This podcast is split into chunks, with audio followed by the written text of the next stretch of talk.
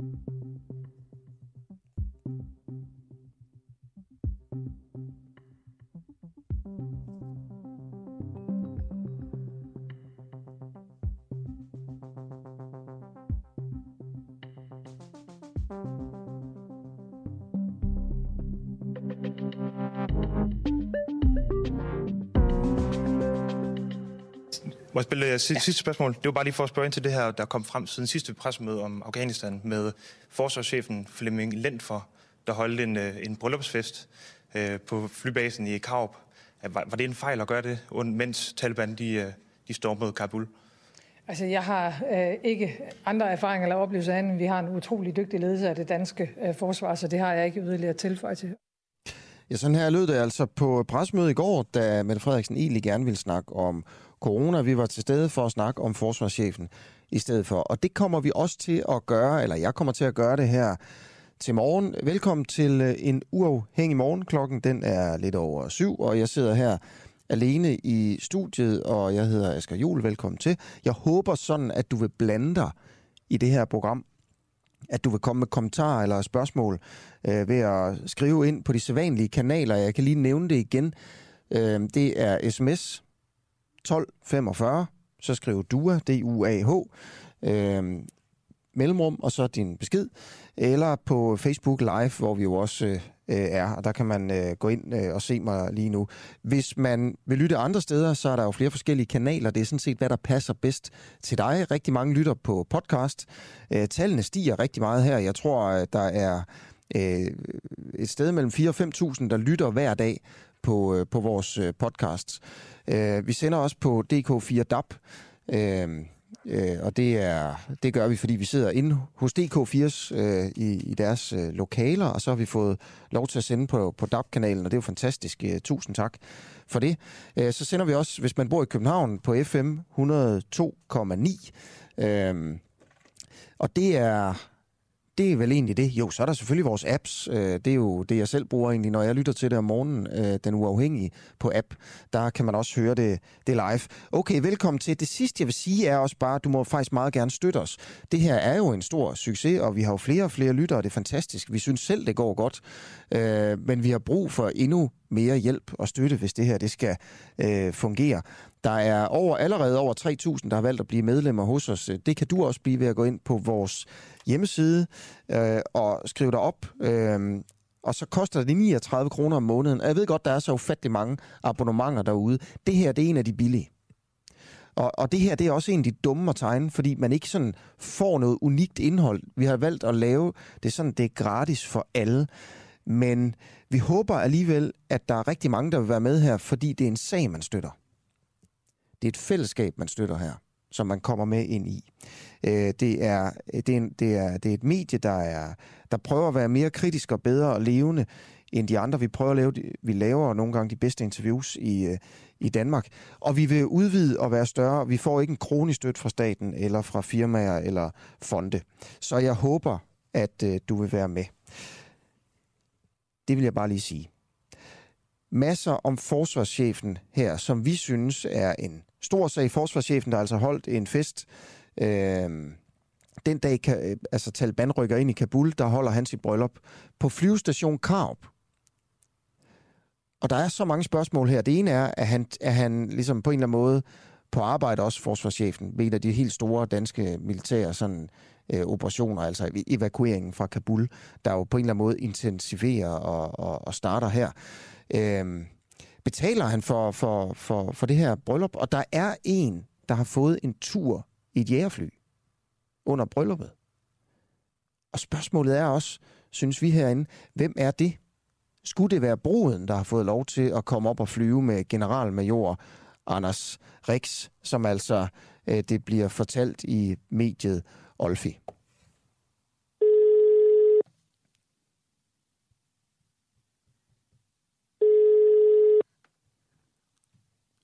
Velkommen til omstillingen. Anders hvad? Anders Omstillingen. Vent venligst.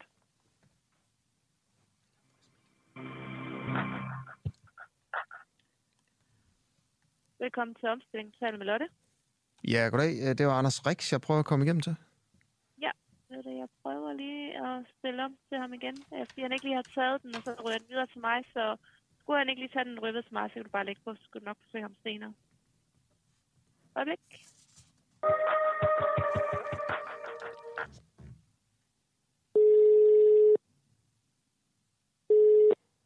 Ja, Anders. Ja, goddag, Anders. Det er Asger Juhl, øh, journalist på Den Uafhængige. Ja, hej du. Ja, hej. Prøv, jeg ringer ind fra øh, radiostudiet, øh, og skal også lige sige, at jeg selvfølgelig bonder til, til udsendelse. Øh, jeg vil bare lige høre, om jeg må stille dig nogle spørgsmål omkring øh, den øh, fest der sidste lørdag, da Nej, øh, forsvarschefen den, blev den gift. har, ingen, den har ingen kommentar til, men jeg vil gerne an, øh, henvise dig til øh, pressevagten. Nej, men, nej, finde, nej, det øh, er sgu du dig, jeg skal spørge. På, Det, nej, nej, det er fordi, du fløj jo... Øh, Ja. Vi skal bare høre, om det var altså, forsvarschefens kone, du fløj rundt med. som sagt, så har jeg ikke nogen kommentar. Hvorfor du ikke sige, hvem du der er var med? velkommen til at henvende dig til, til pressevagten. Ja, ja. Hvor, Så, hvor, hvorfor vil du ikke jeg snakke om det, altså? smutte nu, fordi jeg, jeg har et møde. Jeg, jeg er ked af, øh, men øh, du kan lige skrive til pressevagten. Du må gerne henvise til, at vi har talt sammen. Det Ja. vil være rigtig fint. Okay. Det er godt. Ha' det godt, altså. Ja, i lige måde. Hej.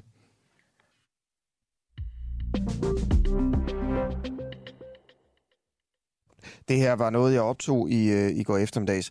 Der er masser af ting på programmet. En ganske kort øh, øh, lille opsummering over den næste time her indtil klokken 8.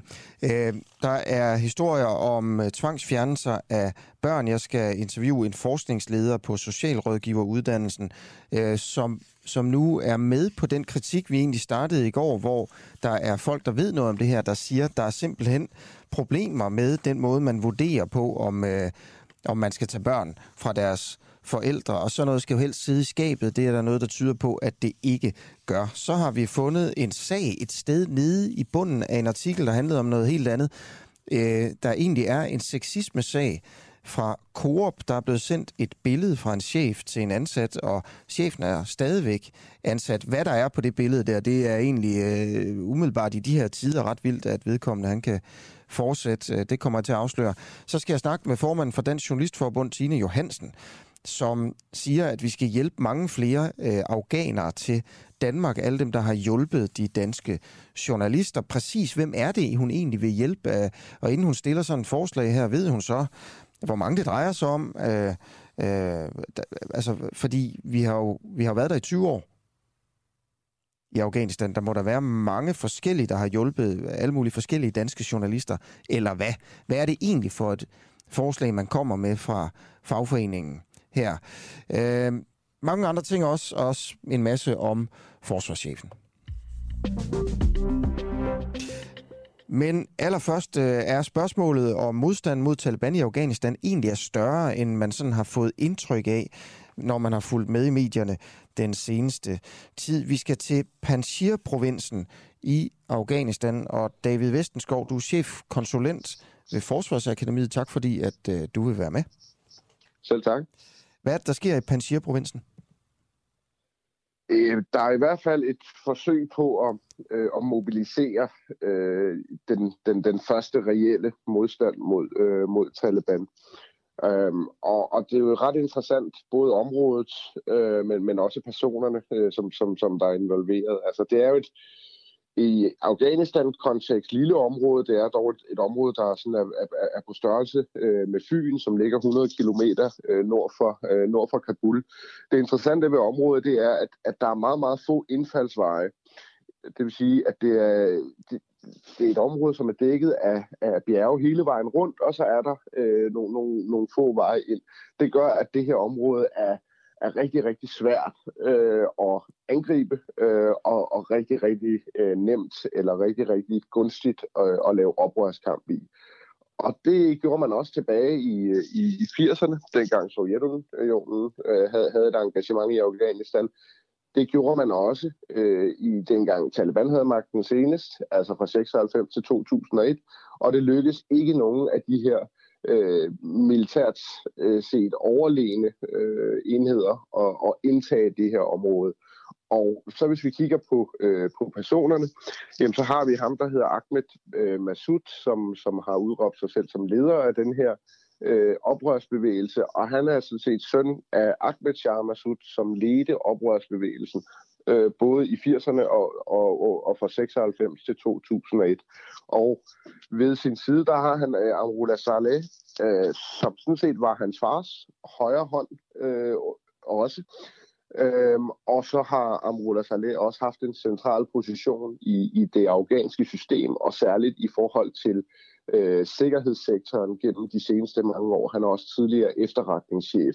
Så kombinationen øh, af de to øh, er, er trods alt øh, et, øh, et rigtig godt udgangspunkt for, for sådan en her oprørsbevægelse oh. til at etablere sig. Okay, så vi har altså et øh, område på størrelse med Fyn. Det er måske også det, det eneste, det sådan har til fælles med Fyn, øh, altså størrelsen her, mm. øh, som ikke er kontrolleret af Taliban i, øh, i Afghanistan. Det er svært at komme derind, og der sidder altså de her folk, som egentlig sådan har, har stået imod før. Også det, de stod også imod sidste gang Taliban var ved magten, øh, altså øh, Panjshir-provinsen, og det er sådan de samme folk eller den samme familie, der styrer området. Øh, og så er spørgsmålet selvfølgelig bare også, om de kan holde stand den her gang, eller om Taliban er øh, kommer til at indtage øh, provinsen. Det er jo et sted, hvor de selv siger, at de har 9.000 soldater. Men ifølge Najib Kaya, journalist på TV2, så, så, øh, øh, så er der nogle analytikere, der siger, at det ligger mellem 5 og 600, altså slet ikke så mange. Øh, og Kaya, han anslår så, at det rigtige tal ligger et sted midt imellem. Tror du, at Taliban kan indtage Panjshir-provinsen? Øh, det kommer i høj grad an på, øh, hvor, hvor det her tal ligger. Øh, jeg tror, altså, jeg tror at, øh, at der er rigtig gode muligheder for den her oprørsbevægelse til at etablere sig. Og det, og det er simpelthen fordi, at, at det her område, og det er både historisk set, men også sådan ren, øh, hvad kan man sige, på, på, på et generelt plan, jamen hvis du kører den her kamp mod en oprørsbevægelse, så skal du cirka bruge øh, fem gange så mange soldater, øh, som, som den angribende part. Det vil sige, at selv hvis den her, øh, hvis den her Nordalliance har, kun har 500 soldater, jamen, jamen så, så skal man som minimum bruge de her 2500 Taliban, øh, Taliban-soldater. Og det er bare til at tage det derefter. Og så skal der også bruges øh, ressourcer, ressourcer på, at, på at holde det. Øhm, hvis man så også kigger på, jamen, hvilke typer øh, folk, soldater kunne det være, øh, der var der, øh, der befandt sig, jamen så skal man selvfølgelig kigge på udviklingen over de seneste fire uger. Øh, og hele, hele den her afghanske hær, de her øh, 100-200.000 øh, soldater, øh, som jo trak sig tilbage, de er jo ikke bare altså, fordampet op i luften. Øh, de er et eller andet sted. Øh, og, og jeg kunne godt forestille mig, at særligt nogle af de mere veltrænede øh, specialstyrker, øh, Øh, at, de, at de var blevet dirigeret hen mod, øh, mod, øh, mod øh, Panjshirdalen. Det, der bliver afgørende at følge, jamen, det vil være den første konfrontation, det vil sige det første slag. Fordi lige nu, jamen, der, der er det Taliban, der har, ligesom har øh, hele den her narrativ, hele historiefortællingen om en her, der, der, der bare vinder og vinder og vinder, øh, og så alt modstand, der er, jamen øh, det bliver bare fejret af banen, og der er ingen kampkraft eller kampmoral. Hvis det bliver demonstreret, at der er en kampmoral, der er en kampkraft, og, at Taliban, og de kan tilføre Taliban et nederlag, jamen så vil det lige pludselig få en tiltrækkende effekt. Altså så vil andre af de her 100.000 vis af arbejdsløse soldater søge hen imod det her sted. Så vil det lige pludselig også blive et interessant sted for eksterne donorer, øh, som, som ikke synes, det er, det er en god idé, at der er øh, et emirat. Og så er det, de på sigt kan etablere sig som en oprørsbevægelse. Og hvis de først får gjort det, ja. så tror jeg ikke, at Taliban øh, får, får, får, får held med at tage det. Okay, tusind tak for den øh, vurdering her til morgen, øh, David Vestenskov. Selv tak. Chefkonsulent altså ved Forsvarsakademiet, og øh, okay, det, det er i hvert fald noget, der overrasker mig, øh, at, øh, at der er et sted i Afghanistan, som øh, Taliban ikke kan tage. Nu må vi se, hvordan det går med det.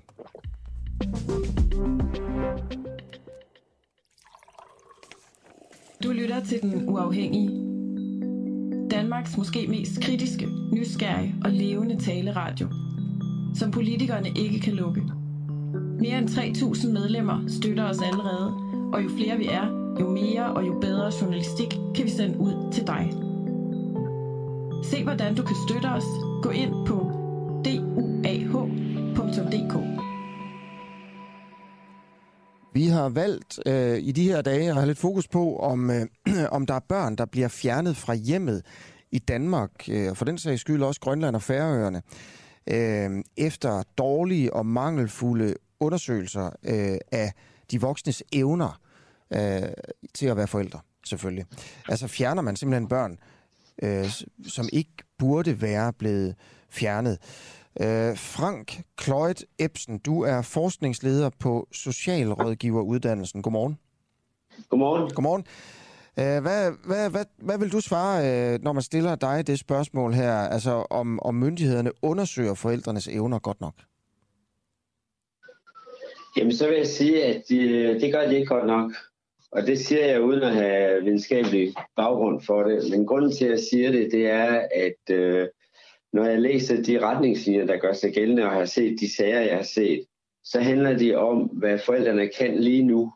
Altså det vil sige, de handler om, øh, hvordan man agerer over for børnene i bedste fald lige nu. Men de rummer ikke den dimension, der handler om, at der, der ligesom omhandler det afgørende spørgsmål, som er, at de er i stand til at forandre sig, og dermed i stand til at støtte barnet bedre, så barnet fremover faktisk får en bedre mulighed for at klare sig.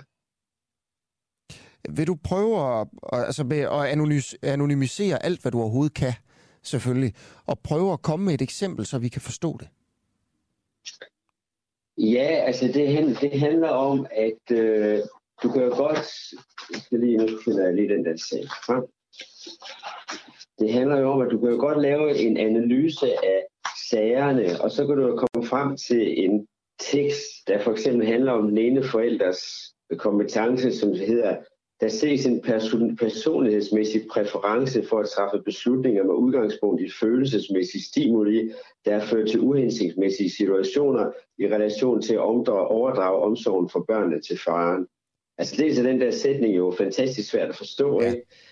men derudover så rummer den også en, en, en stillstand. Det er en status.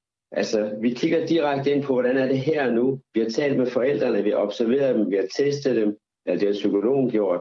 Og så siger man så, det som socialrådgiverne i, altså har jeg hørt i 9 ud af 10 tilfælde godt ved, det er, at de forældre ikke er særlig gode til at tage sig af børnene. Men det der svære spørgsmål om, hvad så? det undgår de hele tiden i den her diskussion. Og nogen vil så forsvare det med at sige, at øh, de ikke øh, må komme med anbefalinger om, hvad der skal gøres, og det er jo for så vidt rigtigt nok. Men det, som man kan se ud fra sådan en øh, socialfaglig, psykologfaglig synsvinkel, det er, hvordan kan de vurdere, om forældrene faktisk er i stand til at ændre sig? Fordi hvis de ikke er det, så har barnet jo et ret stort problem.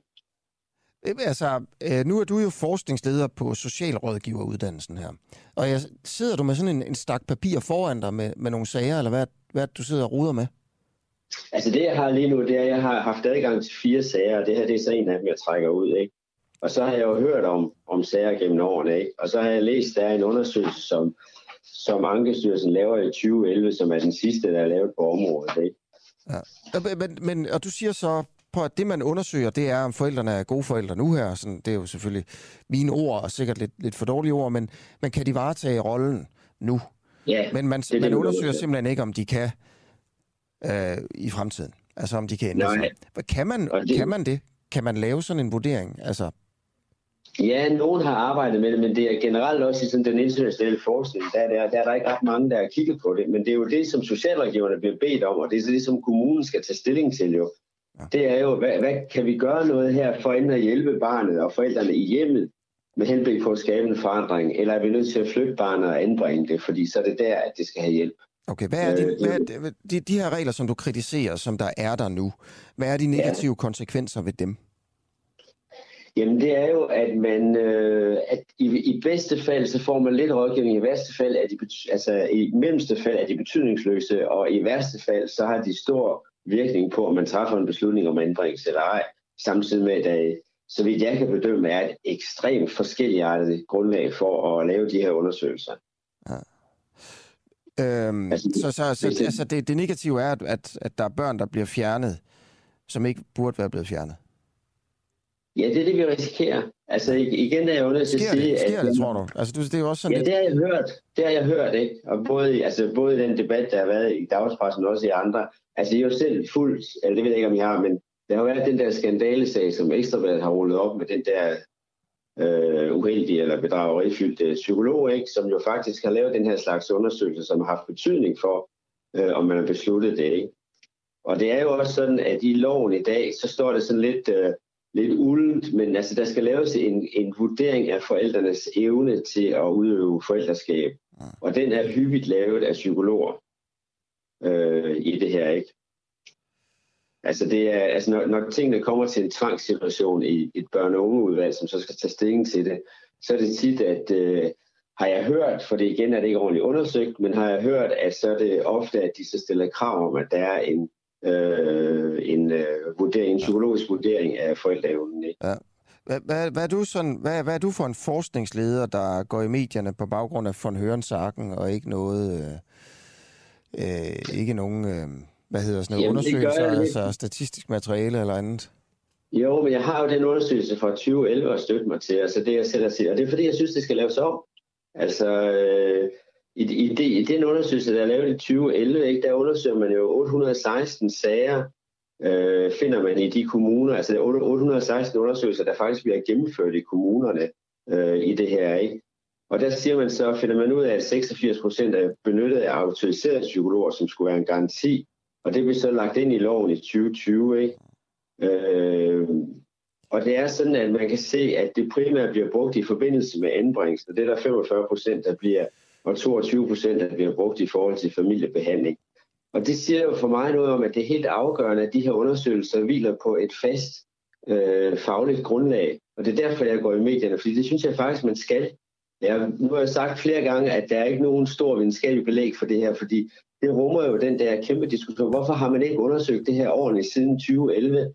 Og hvordan kan det være, at man laver en, en ændring af retningslinjerne og loven, som er øh, overfladisk der i 2020? Ikke? Altså det, det er derfor, jeg tænker, at man bør gøre det her, ikke? og det er afgørende, mener jeg, fordi at øh, man jo risikerer at indbringe nogle unger på et lidt uheldigt grundlag. Okay. Tusind tak, fordi du vil være med her til morgen. Frank Kløjt Ebsen, forskningsleder på Socialrådgiveruddannelsen. Jamen selv tak.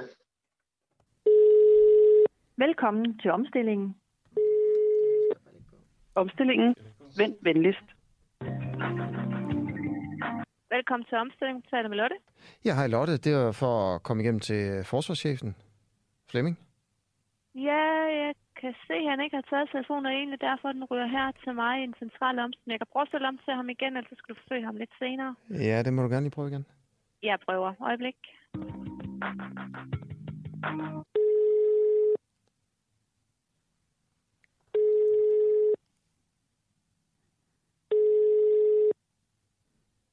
Beklager. Flemming Lind for er der ikke adgang til. Når du hører tonen, indtal din meddelelse. Når du er færdig, læg røret på, eller tryk på firkant for flere valgmuligheder. Ja, goddag Flemming. Det er Asger Juhl, journalist på Den øh, Uafhængige. Klokken er 10 minutter over 3 mandag eftermiddag. Vi vil jo rigtig gerne her på Den Uafhængige via, via en morgenradio, et kritisk medie, uh, prøve at finde ud af, altså, hvad der skete øh, sidst lørdag, da du holdt øh, fest op ved Kar flyvestation, mens Taliban rykkede ind i, øh, i Kabul. Uh, derfor må du meget gerne ringe tilbage til mig. Jeg vil meget gerne interviewe dig i radioen. Du kan ringe på 41 74 79 18. Uh, og så vil vi rigtig gerne høre, altså, var det en fejl at holde den der fest, mens øh, Taliban var på vej ind i Kabul? Og der er også forlyden om, at øh, der var en af gæsterne, som fik en tur i en øh, jetjager, en af forsvarets øh, fly. Hvem var det? Var det hende, der skulle giftes med, øh, som fik en, en tur der? Betalte hun for det? Og, og sådan noget. Øh, altså, det er jo klart, vi vil jo gerne finde ud af, om du ligesom bruger forsvarets øh, faciliteter til din egen fornøjelses skyld. Men øh, giv mig et kald, vi vil meget gerne interviewe dig. Ha' det godt.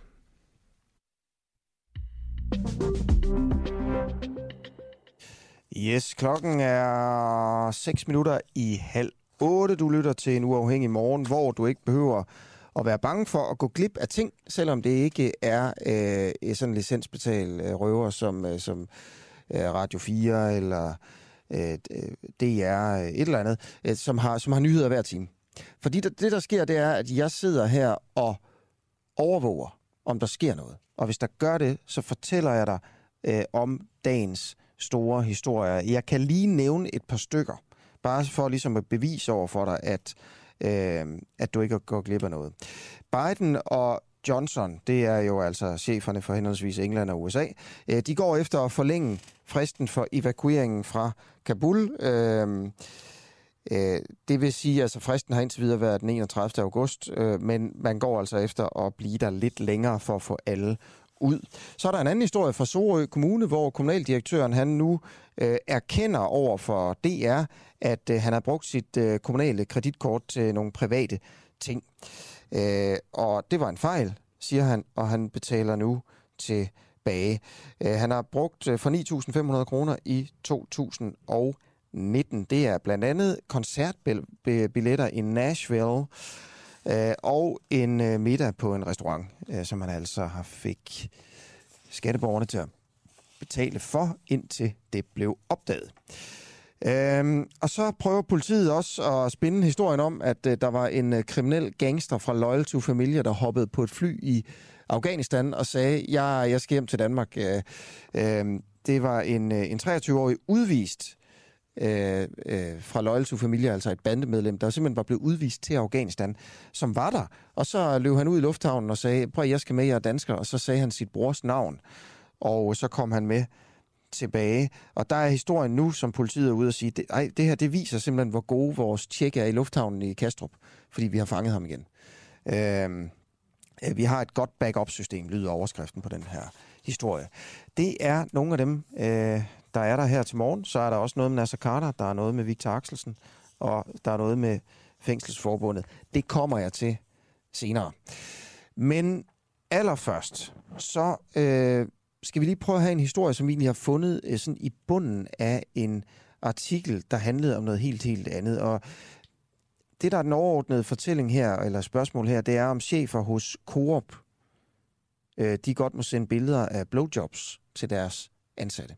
Vi lever i en MeToo-tid, og det her, det ville måske have fået øh, øh, folk til at, øh, at gå fra deres erhverv, hvis det havde været måske en journalist eller en politiker eller et eller andet. Men der er måske også steder i samfundet, hvor, øh, hvor, hvor man kan tillade sig mere, bare fordi der ikke er fokus, fordi vi er så navlepillende her i sådan den medieverden øh, og den politiske verden. Fagbladet Journalisten de bragte i mandags en artikel, der påviste, at mediernes MeToo-dækning primært handler om dem selv og om politikere. Og de faggrupper, der er mest udsatte over for sexikane, de fylder forsvindende lidt i dækningen. Og i bunden af artiklen, der falder vi så over en lille detalje, der afslørede det her spørgsmål, vi er nødt til at stille. Altså må chefer hos Coop godt sende billeder af blowjobs til deres ansatte. Jakob, Frausi øh, Simonsen, det er jo sådan set dig, der, øh, der fandt det. Godmorgen. Godmorgen, Eske. Skal vi tænde for mikrofonen. Godmorgen. Godmorgen, Eske. Øhm, vil du lige prøve, vi skal lige høre, prøv at sige noget. Ja, kan jeg høre mig? Er der hul igennem? Ah, nu er der hul igennem. Nu er der hul igennem, ja. Godmorgen, Eske. Godt, sådan der. Hej, Jacob. Øhm, ja. Lad os prøve at høre, altså hvad er det for en lille detalje, du falder over i artiklen? Øh, jamen, jeg kan lige starte med at prøve at sådan hurtigt at rise op øh, igen. Som du sagde, øh, artiklen her handler om, om den skæve dækning, der har været. Øh, og det er sådan kort fortalt. Øh, man kan sige, der er lavet en liste over de mest udsatte faggrupper, hvor journalister øh, på den her liste er nummer 24. Men i den samlede mediedækning det sidste år, der har 24 procent af hele dækningen handlet om journalister. Det vil sige, at vi har altså formået at reservere en fjerdedel af dækningen til os selv. Ja. Øh, og i den her detalje, øh, eller i den her artikel, der, øh, der bruger hvad hedder det, Fagbladet Journalisten så en, øh, en case.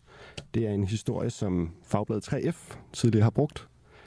Den, øh, det er Ulla Andersen, som har arbejdet på øh, Coops ferskvarelager i Brøndby. Og hun har været en udsat for, hvad man sådan, ja, fuldstændig vanvittig behandling. Ja. Øhm, og hun er blevet øh, hvad hedder det, diagnostiseret med PTSD og depression og alt muligt på grund af det, hun har været udsat for. Okay, hvornår er det, det foregår det her? Jamen, det foregår nogle år tilbage. Øh, så vidt jeg lige husker, er det helt tilbage i slutningen af hvad hedder det, nullerne. Ja. Øhm, og sagen bliver så... Øh, øh, men historien bliver bragt i fagbladet øh, 3F her i efteråret 2020. Det, der er interessant her, det er, at... Øh, at øh, hvad hedder det, Fagbladet Journalisten bringer den oplysning, at den chef, som, øh, som har sendt et billede af en julemand, som får, ja, han får udøvet ralsex af en nisby, ja. øh, har han sendt til øh, Ulla Andersen. Ja. Og det er en chef i Coop. Er det på lageret? En lagerchef? Ja, han er øh, chef på, på færskvarelageret i Brøndby. Ja. Og øh, det er jo interessant, fordi, øh, som du selv siger, øh, den dækning, der har været, ja. De konsekvenser, der har haft for folk, der har begået det her, så er det bare rigtig interessant, at øh, i en altså, organisation som Coop, ja. de har 1,9 millioner medlemmer, ja. der kan en chef til synligheden slippe afsted med at opføre sig sådan her. Og øh, jeg spurgte så Coop, ja. øh, både om det er rigtigt, at han stadig er ansat. Det vil de ikke svare på, fordi de mener, det er en konkret personalsag. Og jeg spurgte dem så også helt overordnet, om det er okay, at øh, deres chefer opfører sig sådan her. Ja. Altså må en chef simpelthen gerne sende det her billede til en ansat, ja. som tydeligvis ikke har lyst til at modtage det her billede. Ja. Og, og, og hvad er konsekvenserne, når man så gør det? Altså hvis de siger, det er strid med reglerne. Hvad, hvad så? Får man en advarsel? Får man sparket? Ja, præcis. Jamen, det ja. kunne det, altså, det, øh, men, men det ved jeg simpelthen ikke. Øh, for Coop vil simpelthen ikke sige noget som helst. Nej. De... Okay. Det, det, det siger jo også, synes jeg, Jacob. Øh, det, det rejser også diskussionen om, sådan, der foregår sådan sexisme, som er over grænsen andre steder ja. end på Christiansborg og på avisredaktioner, hvor det simpelthen ikke bliver, altså bliver opdaget. Ja, og det spørgsmål tror jeg faktisk, den artikel besvarer, fordi det gør der. Det gør der? Øh, ja. Øh, altså, de har jo nogle, øh, nogle detaljer, som blandt andet viser, at for eksempel sosu og kokke og tjenere, de topper de her statistikker over faggrupper, der er allermest udsat for sexikane. Okay. Øh, men altså, kokke og tjenere, de udgør sådan sammenlagt lidt under 2% af dækningen. Øh, så, så det er jo åbenlyst, at, at vi mangler at, at få øje på det her og få det, få det afdækket på samme måde, som vi har gjort med os selv. Okay, der vil jeg bare gerne øh, måske også sige til jer, der lytter med nu her, at der kan I jo, øh, hvis I har nogle historier eller erfaringer på det her område, måske hjælpe lidt til. Det kunne være fremragende. Ja. Øh, altså, hvis du har erfaringer med Coop lige nu, vil det jo selvfølgelig være super interessant. Ja. Men altså, uanset, uanset hvad, det vil, vi, det vil vi meget gerne høre. Ja. Jakob øh, Frause Simonsen, du, er, du er journalist her, øh, og sidder og laver historier øh, hver dag øh, om, om alle mulige forskellige ting. Øh, vil du ikke lige prøve at beskrive det her billede igen? Altså det billede, der er blevet sendt fra en chef i Coop til en medarbejder. Chefen er der angiveligt stadigvæk, ja. kan vi læse, og medarbejderen er der ikke længere. Ja, hun er så ovenkøbet blevet førtidspensionist nu. Ja. Øh, og mener selv, det er delvis på grund af det her. Ja. Og hvad var det for et billede? Jamen, øh, jamen det er et billede af en, øh, en julemand, der sidder uden andet end sit øh, skæg og sin, øh, sin nissehue, øh, tilbagelænet i en stol med en øh, let påklædt nissepige foran sig, som så udøver oralsex på ham. Ja. Simpelthen. Og hvordan blev billedet sendt, og i hvilken kontekst og sådan noget? Ved vi det? Ja, det bliver sendt med en, øh, en lille besked.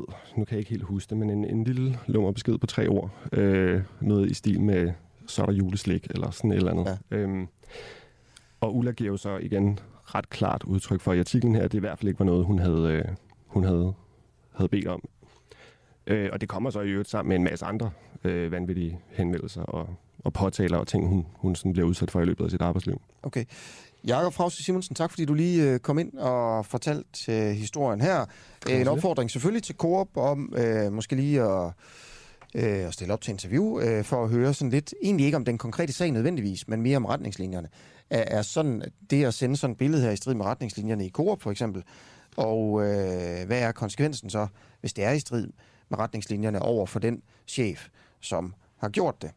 Øh, det er jo altid, synes jeg, interessant at snak om grænserne ved det her MeToo. En anden ting, man skal lægge mærke til her, at det jo sker i slutnullerne, det vil sige for mange år siden.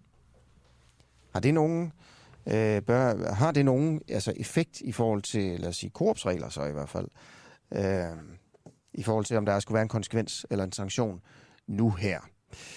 Du kan blande dig ved at skrive ind øh, 1245, øh, skriv på sms'en, Øh, bare skriv DUA først, D-U-A-H, et mellemrum, og så det, du sådan gerne vil øh, sige.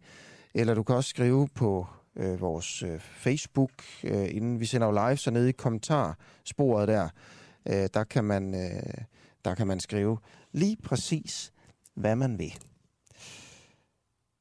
Tine Johansen, du er formand for Dansk Journalistforbund. Godmorgen. Godmorgen. Godmorgen. Øh, du er også øh, min tidligere øh, øh, praktikantvejleder inde på Ekstrabladet. Men det er jo mange år siden. Det er sandt. Ja, det er sandt. Det er mange år siden. Det Ja, var det er gode dage. Ja. ja. Øh, øh, vi skal prøve, jeg vil gerne lige prøve at interviewe dig om, øh, om noget, som I foreslår. I foreslår mm. at hjælpe de her, øh, de her afghanere, der har hjulpet de danske medier. Øh, og ja. I foreslår at evakuere dem til Danmark for ligesom at, at redde deres liv. Øh, mm. hvad, hvad er det foreslået gå ud på? Det er jo bare, jeg vil gerne prøve at undersøge sådan om, øh, altså hvor mange det drejer sig om, og hvilke kriterier I ligger ned over det og sådan nogle ting. Øh, hvorfor er det, I foreslår det her? Jamen altså lige nu, der er det af uendelig stor betydning, at der kan blive rapporteret ud fra Afghanistan. Det er så vigtigt, at øh, vi danskere og det øvrige øh, som verdenssamfund kan følge med i, hvad der foregår. Og øh, der står nogle få, men meget modige øh, korrespondenter og rapporterer fra Afghanistan lige nu. Og ved siden af dem står nogle afghanske kolleger, øh, som sætter meget på spil for at, øh, at hjælpe øh, med, at de her nyheder kan komme ud til os andre.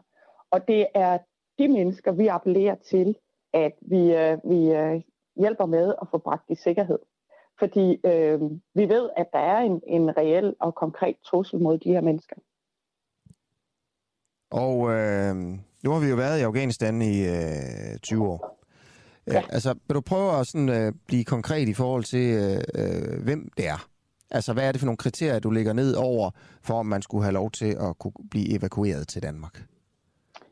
Ja, altså vi taler om øh, afghanske mediearbejdere, som, øh, som er øh, så at sige kolleger til, øh, til de danske øh, korrespondenter, der, der er i Afghanistan, som hjælper med øh, at kunne rapportere. Altså øh, dem, der liner interviews op og øh, hjælper øh, med at få, øh, få nyhederne ud. Ja. Er, er, det, er, det kun, afghanske... er det folk, der har, kun folk, der har hjulpet de danske medier, eller er det bare generelt alle, der har hjulpet øh, medier?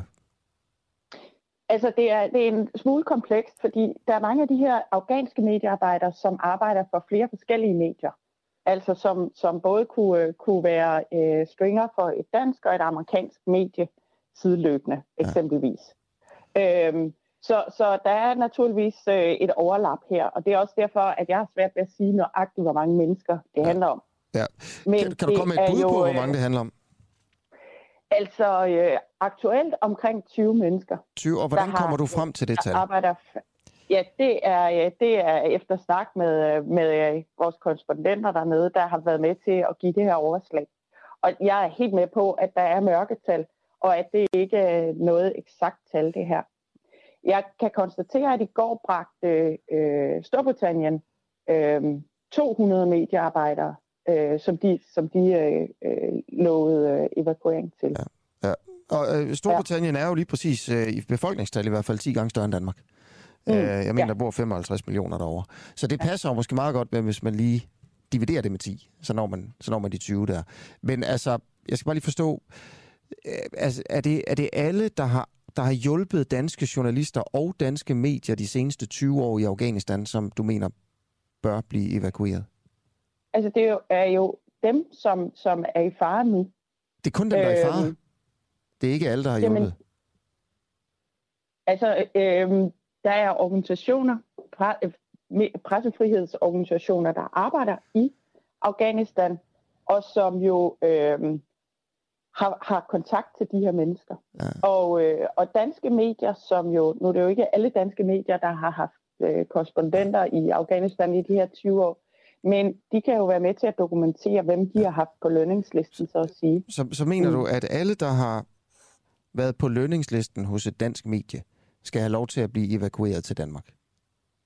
Ja, det synes jeg kunne ja. være et bud. Det, det, mm. og, og det så har været tidsrammen de seneste 20 år? Ja. Så hvis man har arbejdet en dag i 2011, en halv forårsdag, en gang i maj 11, skal man så have lov til at blive evakueret til Danmark? Det lyder som, øh, som en meget øh, øh, langt væk øh, tilfælde. Det ved jeg ikke. Altså, det vil jo komme, bero på en helt konkret øh, øh, vurdering i, uh, i det tilfælde. Ja, men jeg spørger bare dig, for det er jo ja, dig, der foreslår ja, det. Så ja. altså, hvad er, hvad er ligesom, det er jo klart, det er jo et ekstremt tilfælde, jeg tager.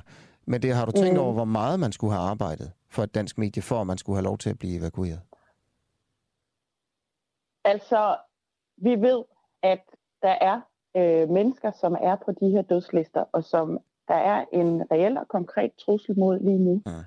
Og øh, hvis organisationerne i Afghanistan øh, har dem øh, på listerne som, som øh, mediearbejdere, der har, der har øh, arbejdet for internationale medier. Ja, så er de med. Men, men prøv, du, du foreslår, at vi tager alle, der har arbejdet for danske medier, også selvom de ikke er på dødslisterne, ikke?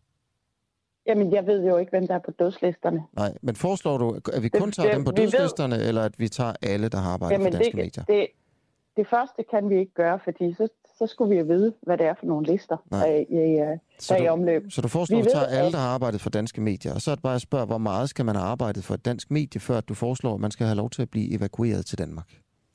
Jamen, der skal man have haft en særlig tilknytning. Altså, det er jo typisk noget, man gør over længere tid, i længere perioder. Det er jo et stærke tillidsforhold, der opstår mellem øh, en dansk udsendt og, øh, og en afghansk kollega. Og, og det er der, hvor jeg siger, at der er det relativt let at, at få et dansk medie til at dokumentere, at man har arbejdet sammen med vedkommende. Ja. Så, så når jeg spørger om, hvor meget man skal have arbejdet med dem, så, så, så har du ikke lige et svar klar. Det er også fint Nej, nok. Nej, okay. det har jeg ikke. Nej. All right. Øhm, er der andre sådan problematikker i forhold til ligesom at definere, hvem det er, øh, som jeg ikke har, har spurgt ind til her? Øhm, altså, øh, det, som sagt, det er der konkrete vurderinger. Det er det der. Men, men øh, det, de danske medier, der har gjort brug af de her mennesker, der har haft dem på lønningslisten, kan som sagt også være med til at dokumentere. Jeg vil sige sideløbende hvor meget har de med, egentlig tjent? Altså, du ved, vi snakker også om sådan at hjælpe folk, der selvfølgelig har det svært. Det er der så mange i Afghanistan, der har. Altså har det Mhm. dårligt og svært at få fuldt, ikke? Ja. Øh, de, her, de har jo trods alt haft et arbejde. Øh, hvor meget Ja, tjener de de. her, De altså hvor meget, hvor meget er de blevet betalt, dem som du foreslår, vi skal evakuere? Det ved jeg simpelthen ikke. Nej. Det ved jeg ikke. Øh, men jeg kan sige, at de har nemlig haft et arbejde, som er gået ud på at, øh, at sikre pressefriheden i Afghanistan. Og vi ved også, at pressefrihed, det er ikke nødvendigvis noget, Taliban synes øh, er særlig øh, hverken vigtigt eller noget, øh, de vil arbejde for. Og derfor så er man helt principielt i en ekstra øh, fare her øh, som mediearbejder. Altså som den, der dokumenterer, hvad der foregår, og fortæller os andre, øh, hvad der sker i Afghanistan. Så der er en særlig problematik her. Tine Johansen, tusind tak, fordi du ville være med. Jamen selv tak, Asger. Det var så lidt. Hej igen. Hej. Og det var altså øh, formanden for Dansk øh, Journalistforbund, Tine Johansen, som foreslår, at man skal at Danmark skal evakuere dem, der har hjulpet de danske journalister og medier i Afghanistan. Noget, som øh, England øh, så også har gjort, og det er faktisk en af morgens historier her, at 200 journalister bliver evakueret til, øh, til England. Men selvfølgelig også noget, som åbner for en eller anden form for ladeport. Øh, altså, folk er, er udsatte og på, på dødslister og alle mulige forfærdelige ting, men hvor stopper det egentlig? Og hvad, hvad er kriterierne for, hvem vi tager til Danmark? Øh, det, var, det var nogle af de spørgsmål, jeg, jeg stillede her til, til hende. Du kan selvfølgelig blande dig, det håber jeg, at øh, du gør. Øh, der er en, der skriver her, at øh, han siger tak for, at, øh, at vi redder hans arbejdsmorgener med en fantastisk øh, morgenradio. Og så vil jeg bare sige, at det var øh, så lidt. Vi gør, øh, vi gør vores bedste. Klokken er 7.42. Du lytter her til en uafhængig morgen. Øh, jeg kommer til at blive en lille smule ved, ved MeToo. Øh, og om, hvordan en journalist som mig, eller en journalist som alle os andre her på redaktionen, skal dække MeToo. Er der brug for nogle retningslinjer, så vi ikke kommer til at gøre det forkert og snakke med de forkerte mennesker og stille dem de forkerte spørgsmål? Øh, eller er det fuldstændig åndssvagt at lave sådan nogle retningslinjer? Er sådan nogle retningslinjer i virkeligheden sådan en eller anden øh, øh, kamufleret forsøg på at dreje øh, MeToo-debatten i en mere sådan øh, woke retning? Journalisternes fagforening, og det er jo altså den fagforeningsformand, jeg snakkede med lige før, bringer nu en guide til bedre dækning af MeToo og sexisme. Og der står blandt andet, at journalister har brug for at vide noget om myter og fakta om chikane, overgreb, voldtægt og andre seksualiserede krænkelser, og samspillet mellem køn, køn, seksualitet og magt. Lene Rimestad, du er øh, medskribent af den her guide, der hedder Guide til bedre dækning af MeToo og sexisme. Godmorgen. Godmorgen, Asger. Jeg glæder mig meget til at blive interviewet af dig. Hvorfor? Jamen det er fordi, jeg synes, I er vanvittigt dygtige interviewer, øh, og jeg har jo øh, som øh, journalistunderviser undervist i interviewteknik, og det er jo en guldgruppe af gode eksempler, som I giver på, hvordan man kan både skabe en god stemning og stadigvæk få lavet de her kritiske spørgsmål. Nå, okay. Underviser du i, den måde, vi gør det på? Altså, jeg har ikke brugt jer direkte, Nej. men jeg har brugt, jeg har sendt jeres eksempler videre til nogen, som, som gør det. Så jeg synes, I er mm. topdygtige. Okay, og ved du hvad, derfor, så vil jeg gøre, derfor så vil jeg gøre noget. øh, Jeg vil faktisk øh, lige prøve at kapre det her interview lidt. Ja. jeg vil gerne spørge, jeg vil gerne spørge dig. Øh, tidligere i dag, der havde du øh, din kollega Jakob inde, ja. og der slutter du med at spørge ham øh, om at beskrive det her billede af den her julemand, der, der, giver, øh, der, får, der får oral sex af sådan en nissepige. Ja. Øh, det er det sidste spørgsmål, du stiller ham, inden ja. I lukker ned for ja. det indslag. Hvorfor stiller du ham det spørgsmål?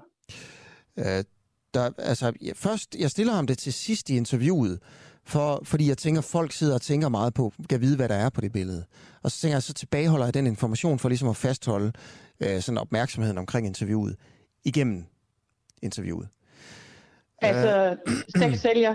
Ja, det er sådan en form for... Øh, ja, nej, altså det... Ja, jeg tror i virkeligheden indhold sælger. Altså fordi øh, det aller, aller vigtigste i den her historie, det er så også grunden til, at jeg bringer den, det er, at man skal vide, hvad fanden det handler om. Ja, øh, og, og det er så bare øh, at få beskrevet billedet, for det er det, det handler om.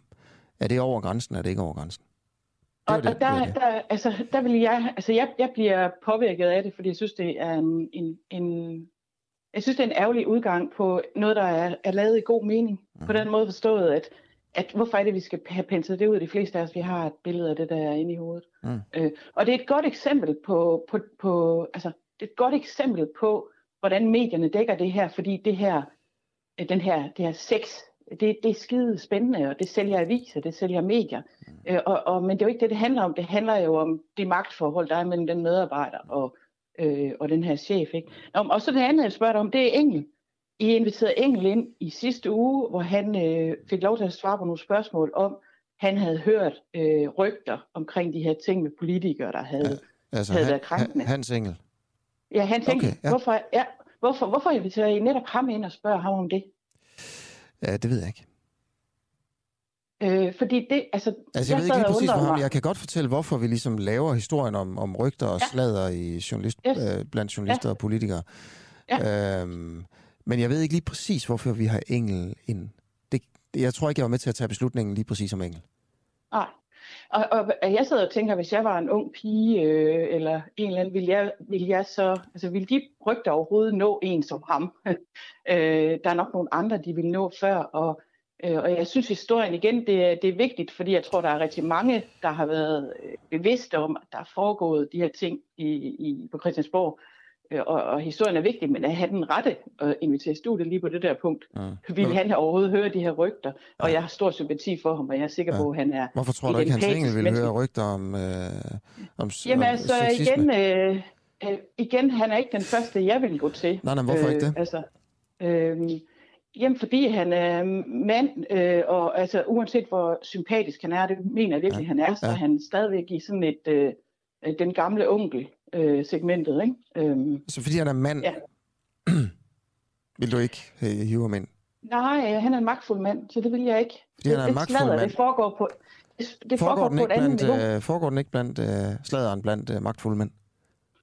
Øh, det tror jeg også, gør man på en helt anden måde, og på ja. en mere... Ja, altså, er, det en, jeg. er det en måde, der er relevant at finde ud af, hvordan den foregår blandt magtfulde mænd?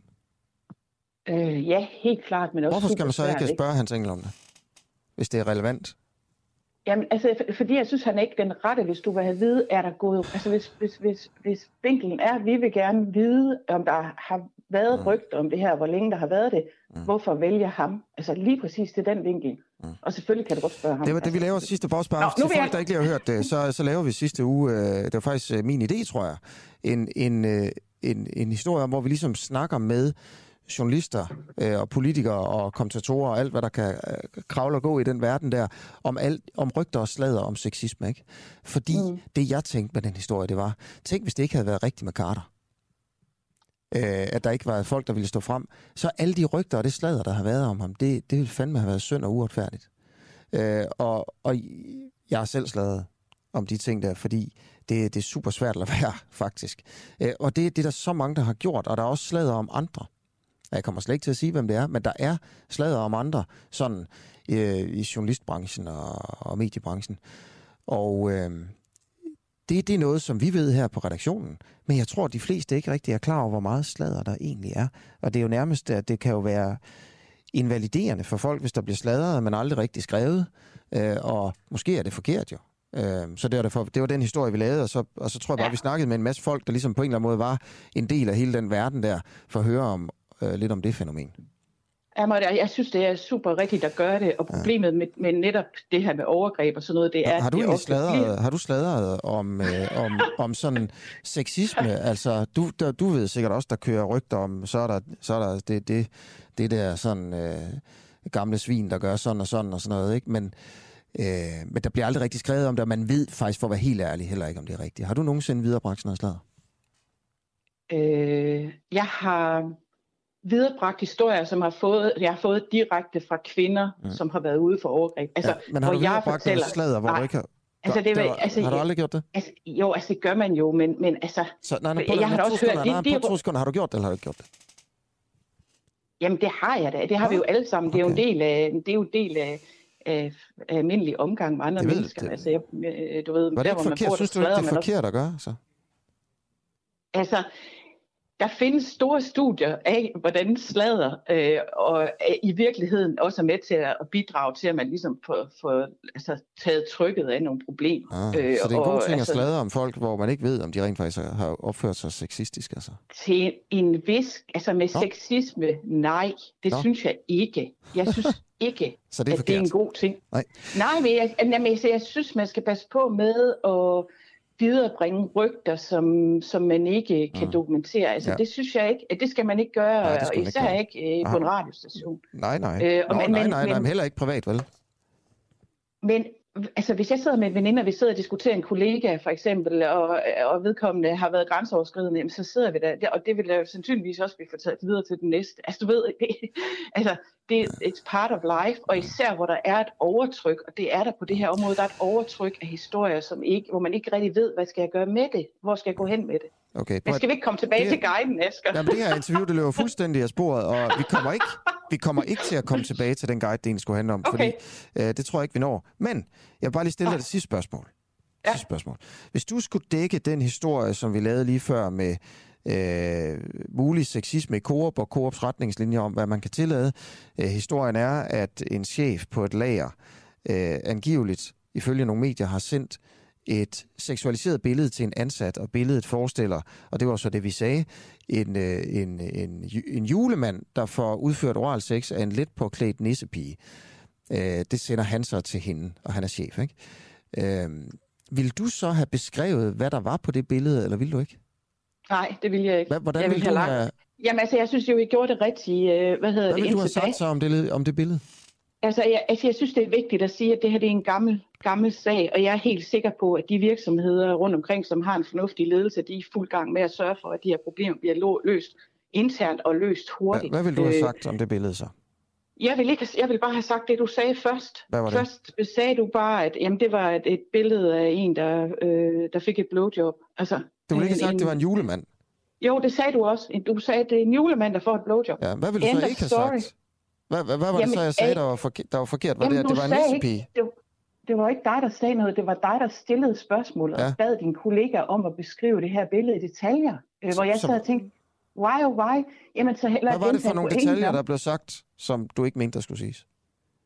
Uh, han sidder uh, uh, uden tøj på og kun med en nissehue øh, tilbagelænet. Hun sidder på knæ foran ham. Og, øh, ja. Jeg kan ikke huske ord. Altså, hvor, hvorfor skal han tvinges til at beskrive det billede, din stakkels kollega? Altså... jeg tror sgu ikke, at han er blevet krænket, Jakob, men det kan da godt være. Prøv at, tak, Ej, det er ikke ham, der bliver krænket. Men det er altså... mig, der bliver træt Nå, af det, fordi der, det der er pointen det er i det her. utroligt. Øh, men fint nok, Lene Rimestad. Ej, men... det er bare det der med, så bliver han lige pludselig krænket. Altså, det er jo kraftigt utroligt, men så bliver alle krænket, og så er det Jakob, der er blevet krænket, fordi han skulle beskrive et billede. Ja, men ja, jeg, altså, jeg bliver... Stakkels kollega. Ja, Vi... men jeg, jeg synes, det er træls, fordi det, han gerne vil, det er, at han vil gerne i kontakt med folk ja. i andre brancher, som har været udsat for noget, og det er en vigtig historie, fordi okay. der er øh, socioassistenter, der skal ind til ældre mænd, hvor de ikke kan gå ind alene øh, på deres runder. Øh, der er øh, restaurationsfolk, som står ude i køkkenet og overvejer, hvem, ja. hvem er jeg tilbage med på vagten, når min okay. vagt slutter. Øh, Lena Rimstad, du, du, yes. vi, vi afslutter interviewet nu, fordi vi skal videre. Tak fordi du vil være med. Du er medforfatter til det, der hedder Guide til bedre dækning af MeToo og sexisme, altså lidt kritisk over for den måde, øh, sexisme-sager bliver dækket på i radioen. Og øh, tak fordi du vil øh, interviewe mig. Øh, Mette Harald skriver på, øh, på vores Facebook-tråd her, hvad med om damen melder sig ind i den uafhængige og diskuterede sine spørgsmål på, øh, på redaktionen. Det er træls at høre på. Øh, og det er jo selvfølgelig tak for kommentaren med det. Og det vil jeg også bare sige, Lene her, du kan jo melde dig ind i den uafhængige, hvis du ved det. Det koster 39 kroner om måneden. det har jeg allerede gjort. Har du det? Det har jeg allerede. okay, ja, tak det har jeg. Jeg synes, det er fantastisk. Ja, tak. Så det, det er godt. Okay, ha' det godt. Og i lige måde. Hej. Yes, øh, klokken er 5 minutter i 8. Øh, forsvarschefen øh, i Danmark, øh, han holdt sit private bryllup den aften Taliban indtog Kabul. Der var en stor militær indsats øh, i de her dage og den her aften, der handlede om evakueringen af folk fra Afghanistan. Øh, er det et problem, at forsvarschefen valgte at holde sit bryllup lige præcis på den aften, og så endda på flyvestationen Karup? Og er det også et problem, at, øh, at der var en af gæsterne, der fik en tur i en jetjæger, der er fløjet af en generalmajor? Øh, og hvem var den gæst? Var det bruden? Og betalte hun for det? Der er mange spørgsmål om forsvarschefens øh, fest øh, sidste lørdag, øh, og vi prøver at følge op på det her. Og Clara, ja. øh, velkommen, i, velkommen i studiet. Mange tak. Du er også journalist her på, på radioen. Øh, Clara Vind, hvad, hvad, altså, du, har prøv, du stod hele dagen i går og prøvede at finde ud af noget mere om forsvarschefen her. Hvad har du fundet ud af? Jamen, jeg har prøvet at finde ud af, hvem der ellers deltog i bryllupsfesten. Øhm, så jeg har ringet til ja, 11 øvrige topchefer inden for forsvaret og to tidligere forsvarschefer.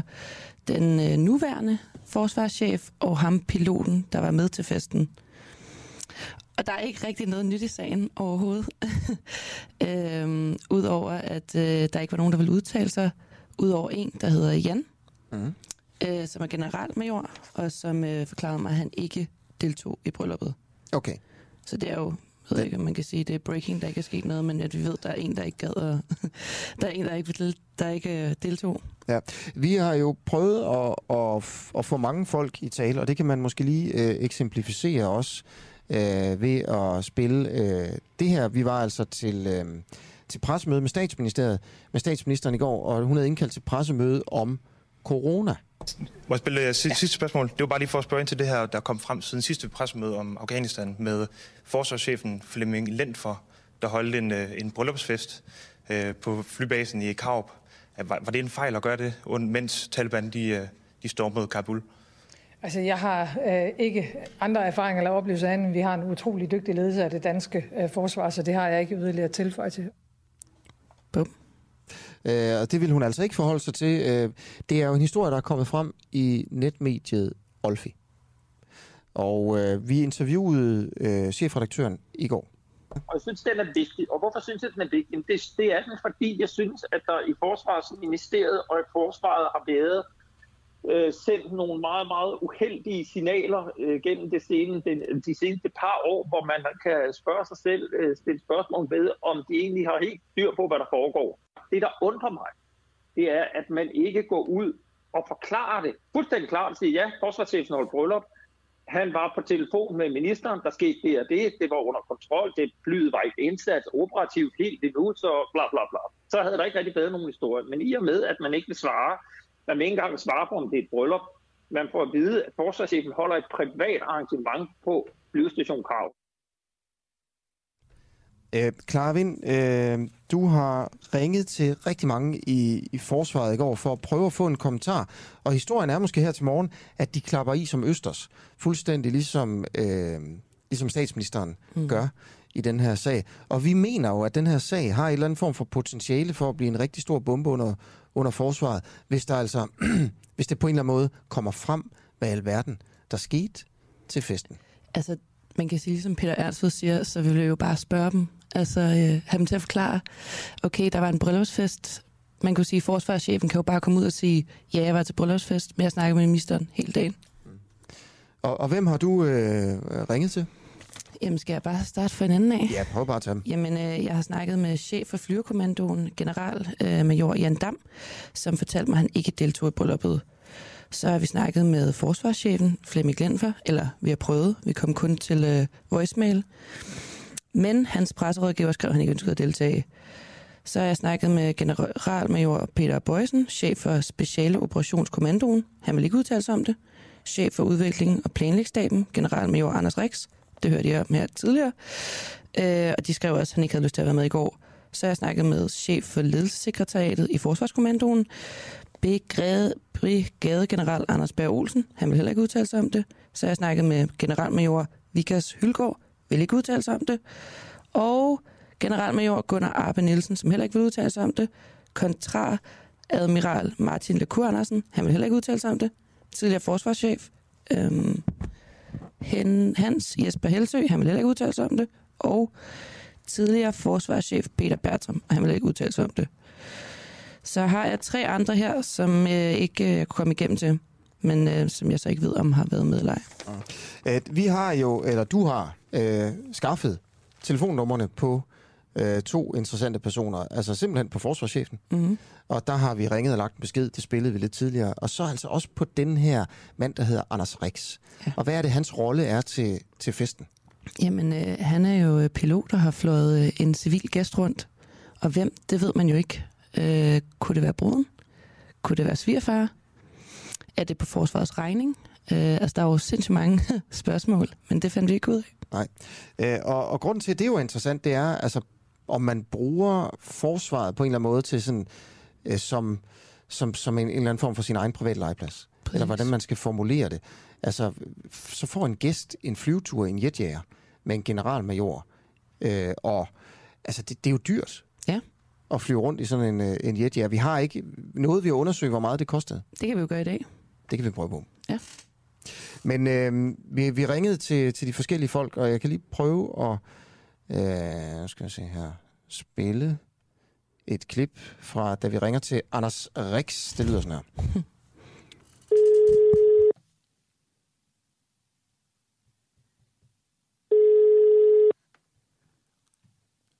Velkommen til omstillingen. Anders hvad? Anders. Omstillingen. Vent venligst.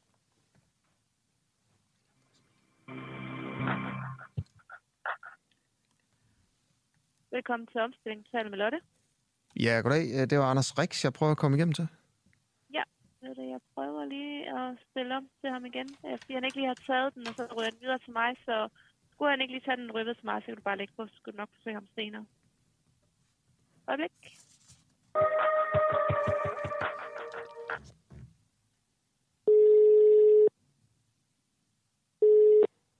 Er Anders. Ja, goddag Anders. Det er Asger Juhl, øh, journalist på Den Uafhængige. Ja, hej du. Ja, hej. Prøv, jeg ringer ind fra radiostudiet, øh, og skal også lige sige, at jeg selvfølgelig bonder til, til udsendelse. Øh, jeg vil bare lige høre, om jeg må stille dig nogle spørgsmål omkring øh, den øh, fest der sidste lørdag, da Nej, øh, forsvarschefen den, blev den gift. Har ingen, den har ingen kommentar til, men jeg vil gerne øh, henvise dig til øh, pressevagten. Nej, men, Du nej, finde, nej, det er øh, sgu du dig, jeg skal spørge. på- Det, nej, nej, det er fordi, du fløj jo. ja. Vi skal bare høre, om det var altså, forsvarschefens kone, du fløj rundt med. Som sagt, så har jeg ikke nogen kommentar. Hvorfor vil du ikke sige, hvem du der er var med? velkommen til at henvende dig til, til pressevagten. Ja, ja. Hvor, Så, hvor, hvorfor vil du jeg ikke bliver snakke om det? Altså? smutte nu, fordi jeg, jeg har et møde. Jeg, jeg er ked af, det, men øh, du kan lige skrive til pressevagten. Du må gerne henvise til, at vi har talt sammen. Det vil være rigtig fint. Okay. Det er godt. Ha' det godt, altså. Ja, i lige måde. Hej. Du lytter til Den Uafhængige. Danmarks måske mest kritiske, nysgerrige og levende taleradio. Som politikerne ikke kan lukke. Mere end 3.000 medlemmer støtter os allerede, og jo flere vi er, jo mere og jo bedre journalistik kan vi sende ud til dig. Se hvordan du kan støtte os. Gå ind på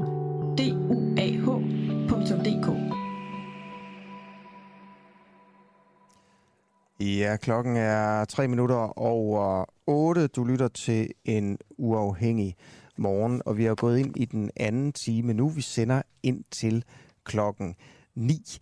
Øh, nogle af de historier, som fylder her til morgen, en viceborgmester øh, i Slagelse har fået nok. Han hedder Willem Christensen og kommer fra Liberal Alliance ned med regnbueflaget, siger han. Der er altså et øh, regnbueflag, øh, der blaffer over rådhuset i Slagelse.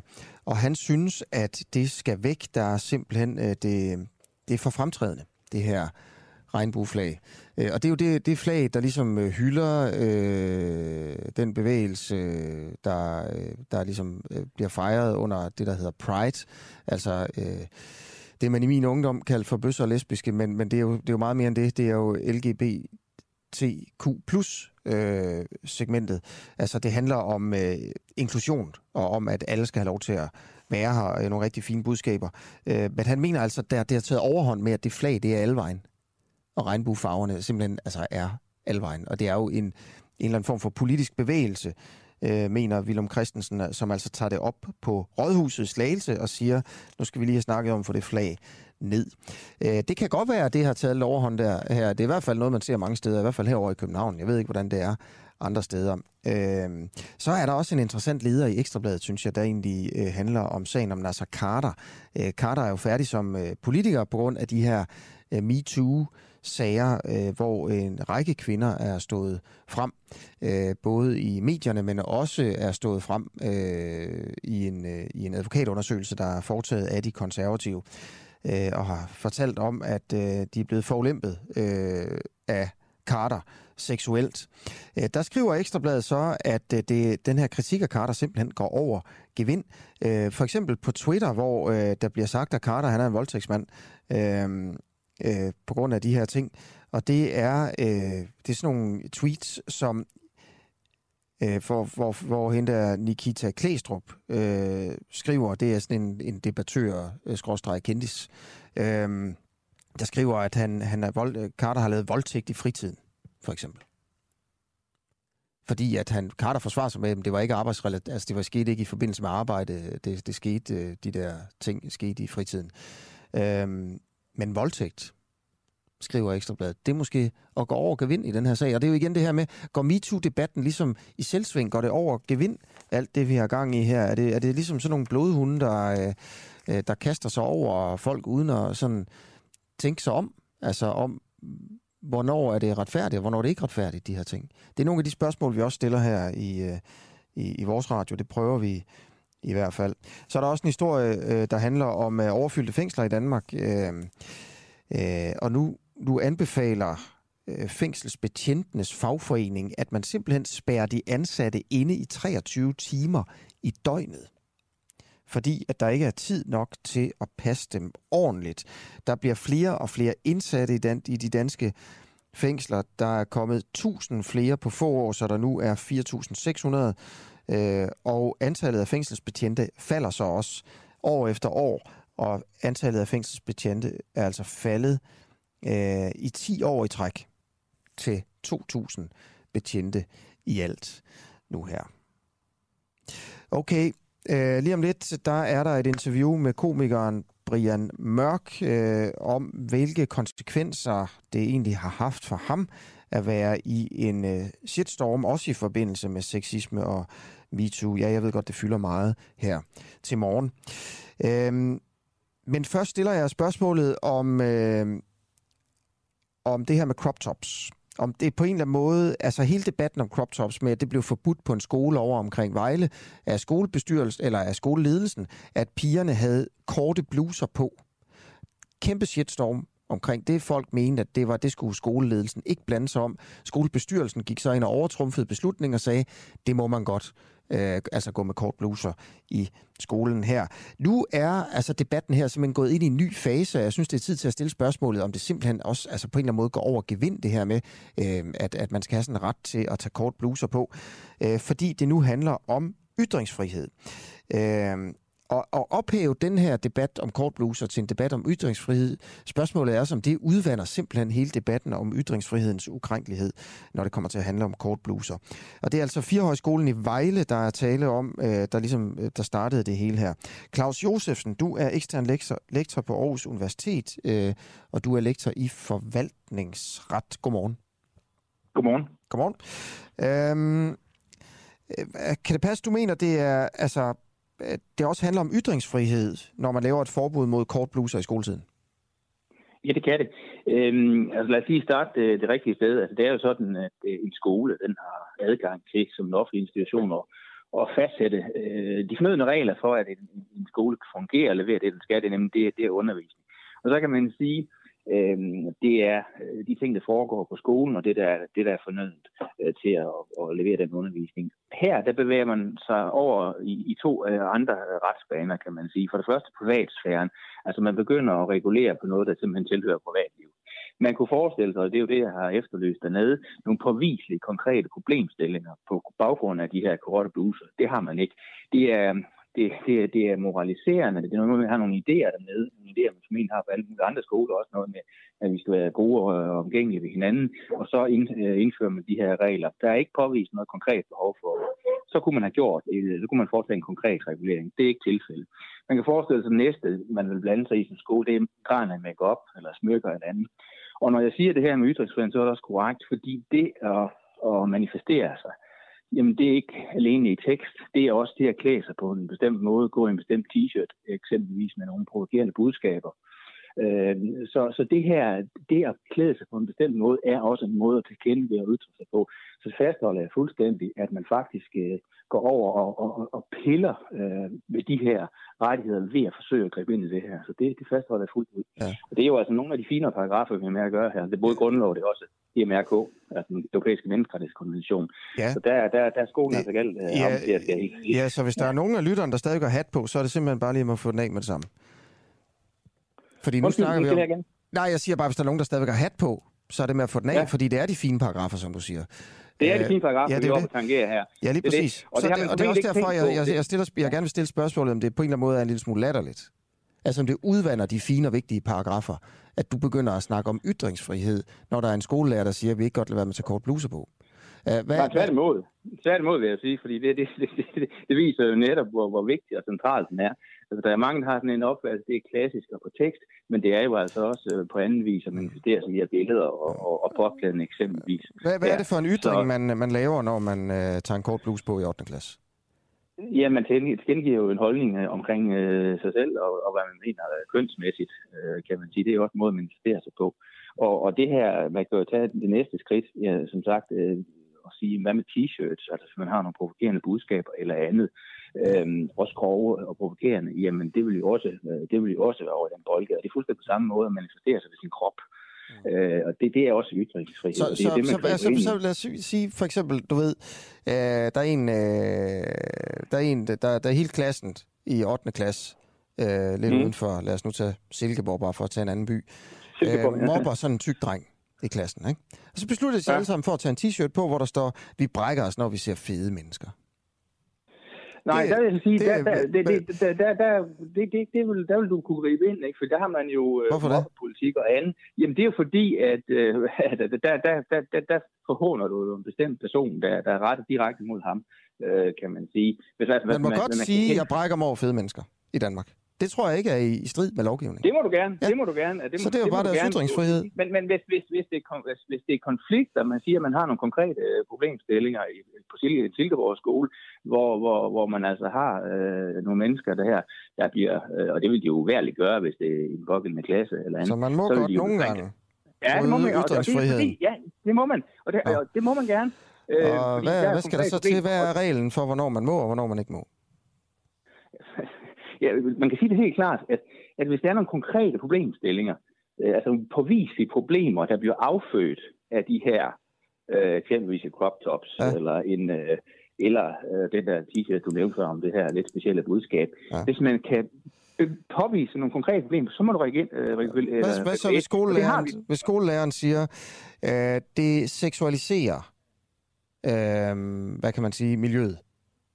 Nej, det, det, det er no-go. Nå, hvor, altså, hvorfor ikke det? det, fordi... det Jamen, det er jo, det er jo igen, altså ytringsfrihed altså også for eleverne, og det er jo ikke efter en tilfældig lærer. Så man så har lavet en, en undersøgelse og en rapport, der beviser, at det seksualiserer miljøet, eller hvad? når du skal vise, at hvis det, det grænser til utærlighed eller andet, altså det er jo igen det her med det her kropsstof dernede. Hvis, hvis man kunne, kunne, kunne for, forestille sig, at der har været utærlighed eller andet, noget, der ligner overgreb, jamen, så er det klart, så kan de gribe ind. Øh, så, så de der budskaber, det kan godt være, at der er nogen, der ikke bryder sig om den, men, men det, er altså, det kan man altså godt. Der er, der er en regel, øh, der, er, der er en regel, undskyld, jeg afbryder her. Det er bare lige fordi, der er en regel til øh, Melodi Grand Prix for børn. Det, der hedder MGP. Ja. Jeg ved ikke, om du kender det. Nej. Det, det, er, det er skolebørn, der holder deres eget Melodi Grand Prix. Og ja. øh, det er, øh, jeg tror, det er børn fra helt ned til sådan en tredje klasse og op jo, til jo, 9. det, jo, det har, jeg- jo, det har jeg hørt om. Ja, ja. ja. Øh, og det er DR, der arrangerer det. Øh, ja. så, øh, så så jeg en tidligere DR-chef for DR2, øh, der, der på Ja. Facebook delte, at der faktisk er nogle retningslinjer for de deltagere, ja. der, er- der, der siger, retningslinjerne siger, at de må ikke have kort bluser på. Vi, vi har forsøgt at få en, øh, kommentar fra DR på det her, og sådan noget, fordi det på en eller anden måde øh, også er lidt interessant, fordi jeg tror, mange tænker, at det er da dejligt, at MGP ikke bliver sådan noget, hvor øh, de går rundt og slanger sig sådan, og, og er meget sådan, øh, seksualiseret i deres udtryk, øh, fordi det er bare børn. Øh, så er det også en krænkelse af ytringsfriheden, hvis øh, det, det er sådan, at øh, DR siger til MGP-deltagerne, at de ikke må have bare maver? Nej, der vil jeg så sige, der kan, der kan DR jo fastsætte nogle retningslinjer for deres udsendelse. Så kan man sige, at det vil jo nemt føre til sådan en form for konkurrence, og på tv, det er jo en anden udstilling. Det kunne da også være en, en, en pige i en klasse i 8. klasse. Nej, det kan det ikke helt på samme måde, for der har du selv et tv-medie, der, der, der, der er langt kraftigere. Øh, Så der vil man sige, at der er nogle andre øh, grunde, der i hvert fald kan, man kan argumentere for, at, at man kan regulere det. Sige her, her vil vi, for at man ikke får en konkurrence på det parameter, for der kan man faktisk have anføre nogle savlige grunde til. Hvad er det, for, Netop hvad, er, hvad, er det, hvad er det, der gør, at man, Jamen, det godt må, man man ikke må have bare ikke- til MGP, men ja, det må man godt forbyde bare maver til MGP. Hvad er det for nogle gode grunde der? Den gode grund er, at det kunne medføre en, en, en, en meget, meget voldsom konkurrence blandt de her øh, piger og drenge, er det jo nok normalt piger, der gør det, om at så at sige, have den korteste på. Det kan da også i en og med- klasse i, i 8. klasse men, i men Vejle. det er det, jeg siger, for, for, forskellen er netop, at du har et, et eksplicit, et meget stærkt medie, der hedder TV, hvor du bliver eksponeret i hele Danmark. Øh, og og det, det, det, det, det, det er grunden til det, kan man sige. Ja, den der. Og så vil jeg sige, for lige at vende tilbage til det der med, med, med grundlovsrettighederne. Vi har før set skoler gribe ind, eksempelvis også i religionsfriheden. Og det kan altså godt lade sig gøre, og endda har vi endda en landsretsdom på det, at man kan, man kan forbyde eksempelvis det at bede på en skole.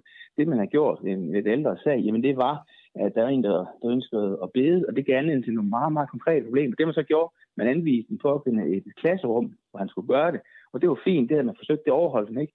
Han bad i, i fælleslokaler, og det medførte, vedkommende smidt ud. Man sige, det kolliderer jo egentlig med religionsfriheden, så man kan altså godt gribe ind, og det gælder også ytringsfriheden, hvis det påviseligt skaber nogle konkrete problemer, som man havde i den der gamle sag med religionsfriheden. Og det er helt tilsvarende også med de her rettigheder. Okay. Hvis man kan påvise nogle konkrete problemstillinger, så kan man også regulere i den. Claus Men jeg fastholder, at det her, ja. Der er noget, bare for... Du fastholder, at det er, det er en krænkelse Jeg fastholder, at det her, det her det er også, så at sige, at, at blande sig både i, helt klart i privatsfæren, men altså også ytringsfriheden. Godt, tak for, højere tak for interviewet her. Så må man jo selv gøre bordet op, øh, når man sidder og lytter med her, om, øh, om det giver mening. Claus Josefsen, du er ekstern lektor på Aarhus Universitet i forvaltningsret, og så må man godt tage hatten på igen. Det er godt. godt. Hej. Ja, og klokken er 17 minutter over 8. Lige om lidt skal vi have et interview med, øh, med, med Brian Mørk, øh, men det kommer altså øh, ikke helt endnu. Øh, da jeg tager lige en sms først her. Torben Jensen fra Aarhus øh, skriver ind. Tak for sms'en, Torben, i øvrigt. Øh, der er masser af private skoler, som har regler af den slags. Hvis det er brud på ytringsfrihed, så er mange private skoler kriminelle. Øh, hvorfor må private arbejdspladser så have regler for tøjskriver, altså øh, Torben Jensen? Torben, det skulle jeg jo lige have set noget før den her, den her sms. Så kunne jeg have spurgt, øh, spurgt, øh, stillet, stillet spørgsmålet videre til, øh, til den eksterne lektor for Aarhus Universitet. Det beklager jeg sgu ikke lige fik gjort. Andre kommentarer på, på, på programmet her i dag, og tak for alle dem, der er kommet. Det er Helkro Meier, der skriver til mig, at jeg ikke er så god til at modtage kritik. I de sidste interview, der får du masser af ros for øh, øh, den uafhængige øh, projekt og, og vores evner. Øh, og så er der en enkelt ting, som hun synes, du gør sært. Og hvad gør du så, Asger? Ja, du bliver småpige fornærmet og irriteret. Det er dumt, og det er ikke godt for jeres idé. Øhm, okay, og så er der også en, der skriver ind om øh, vores øh, fokus på forsvarschefens fest. Øh, og det er altså også noget, jeg selv har tænkt på det her. Er det ikke fuldstændig ligegyldigt, om manden bliver gift den dag? Det må man vel kunne unde ham. Personligt har jeg da en vis forventning om, at det danske forsvar ikke bryder sammen, fordi et led i kommandovejen fejrer sit bryllup.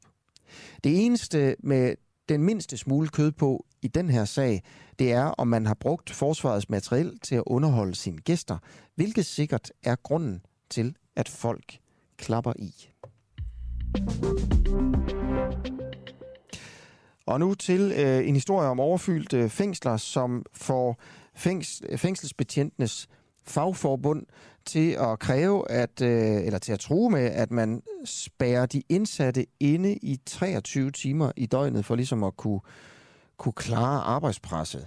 Og øh, godmorgen til, til formanden for Fængselsforbundet, Bo Yde Sørensen. Godmorgen. Godmorgen. Vil du med dine ord sige, hvad det er, I foreslår? Jamen, øh, situationen i fængslerne, den er sådan, så man kan sgu ikke længere garantere sikkerheden for, øh, for mine kollegaer derude, eller øvrigt for de civilansatte. Og nu har Kriminalforsorgen igennem flere år forsøgt alle mulige krumspring på at finde løsning. Og øh, så er det, vi siger, at der er kun én løsning. Og det er at lukke de indsatte inden for låst dør i øh, 23 timer i døgnet, altså en gårdtur, øh, må man selvfølgelig komme ud på. Men ellers så mener vi, at så må man lukke de indsatte indenfor, og man kan drive fængslerne forsvarligt. Ja. Og, og hvor meget er de øh, ude og inde, øh, som det er nu? Ja, det er lidt forskelligt alt efter, øh, øh, hvor man, øh, man er henne. Men øh, typisk vil man være låst inde mellem 8 og 12 timer i døgnet. Ja, så det er jo meget mere. Hvad, hvad, hvor er, hvor er, hvordan ser sådan en celle ud, man skal, du mener, man skal være i 23 timer i døgnet? Igen, det er også meget forskelligt. Det, vi har celler på... Øh, øh, 7-8 kvadratmeter uden toilet, øh, og så har vi øh, celler, der er så store, så der er både toilet og bad på. Øh, det er meget forskelligt alt efter, hvor man er henne. Ja. Men, men, men det er sådan set ikke relevant for vores forslag, for øh, det går egentlig på uh, uagtet, hvad din selvstørrelse er så må man låse folk inden for Kriminalforsorgen har bragt sig i en situation, hvor den ikke længere kan drive øh, drive vores fængsler øh, trygt og sikkert, hverken over for de ansatte, men heller ikke over for det omkringliggende samfund, og det må den tage konsekvensen af. Ja, og du foreslår så også, at man, man spærrer folk ind, der opfører sig helt ordentligt. Øh, ja. ja. Og, og hvad er... Øh, lige nu er de, er de spærret inde, sagde du, mellem 8, 8 til 12 timer sådan de Typisk fleste. mellem 8 og 12 ja. timer, sådan alt efter, hvor man afsoner. Ja, og, og der må jo så være nogle problemer med det, med det at, at de så er, hvad kan man sige, ude af cellerne så mange timer siden, at du foreslår det her. Hvad er problemerne, som det er nu? Jamen, problemerne er, at vi har ikke mandskab. Der er skåret så meget mandskab væk, fordi vi, vi mangler øh, mellem 600 og 850 fængselsbetjente i den danske kriminalforsorg. Og derfor har man fjernet så meget mandskab. Så når vi har 200, 300, 350 fanger ude af gangen, så har vi simpelthen ikke mandskabet til, at vi kan beskytte os selv eller vi kan beskytte det omkringliggende samfund mod de indsatte, måtte de få sjove idéer, og det får de altså en gang imellem i, øh, i sådan en fængsel. Ja.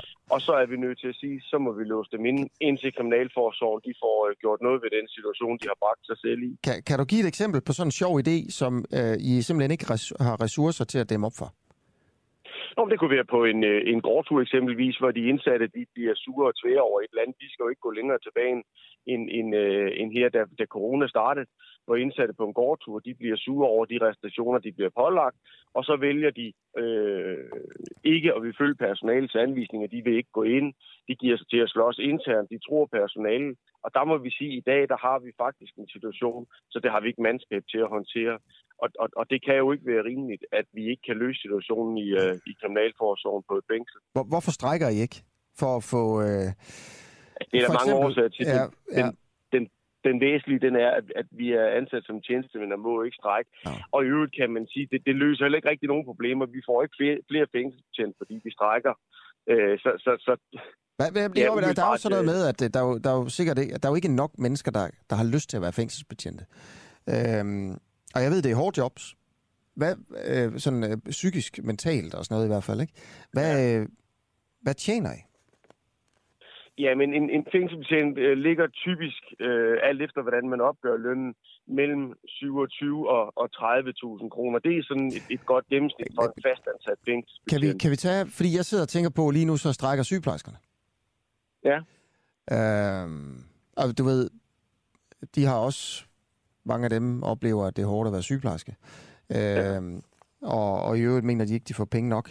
Og der er jo det her med, at jo, jo flere penge man får øh, i løn, jo flere vil der nok også søge til. Jeg ved godt, det er slet ikke er det eneste parameter overhovedet, men det er... Det er må, ikke det eneste, men det nej, er et det, det vigtigt er, og et det er et vigtigt parameter. parameter. Øh, sygeplejerskerne, det er jo super svært med det der med, med, hvad får man så i løn og sådan noget, men der er jo trods alt tal, man kan forholde sig til. Og det er øh, bruttolønnen for en gennemsnitssygeplejerske, der arbejder fuld tid. Øh, den ligger på omkring de 41. Ja. Øhm, hvad er, tror hvad jeg, er, vi gør en stor Hvor ligger I forskel henne der? Ved du det? Kender Jamen, du vi, jeres vi tal? ligger gennemsnitligt mellem 27 og 30. Jamen, i alt efter, bruttoløn. hvordan man opgør. I bruttoløn. Ja. Ja. Ja, bruttolønnen, Øh, det er jo med pension, og Ja, det er med på. der, så I tjener altså så meget mindre end Ja. sygeplejersker i gennemsnit? Ja, ja. Vi, vi, vi, vi ligger noget, der ligner en 8-10.000 kroner mindre end sygeplejerskerne, sådan i, i, øh, i rundetal øh, om måneden. Ja. Så, så, så man kan sige, jeg tror rigtig mange af mine kollegaer, de vil sige, jeg giver den sgu en skal mere, hvis, hvis vi kunne få den løn, som sygeplejerskerne de, øh, de- får. Det, det tror jeg vil være et godt udgangspunkt. Fordi vi må jo sige, at, at, at det her med udbud og efterspørgsel, det, det er jo ved at løbe fra kriminalforsorgen. Det er jo en af de vigtigste årsager til, at vi ikke kan, kan fastholde det personale, vi har, og vi ikke kan tiltrække nye. Det er, fordi man siger, det er ikke attraktivt at være fængselsbetjent. Jeg kan tjene meget mere øh, med meget mindre ubehag øh, andre steder i, i, øh, i samfundet. Øh, og, og det er vi nødt til at have gjort noget ved, hvis vi skal have vendt den udvikling her. Men så kunne man jo sige, at de skulle give jer nogle flere penge i stedet for sygeplejerskerne. Jamen, det øh, forslag køber jeg da lige på stedet. Tak fordi du ville være med her til morgen. Selv tak. Bo Yde Sørensen, øh, formand for Fængselsbetjentenes fagforening. Du lytter til øh, Den Uafhængige.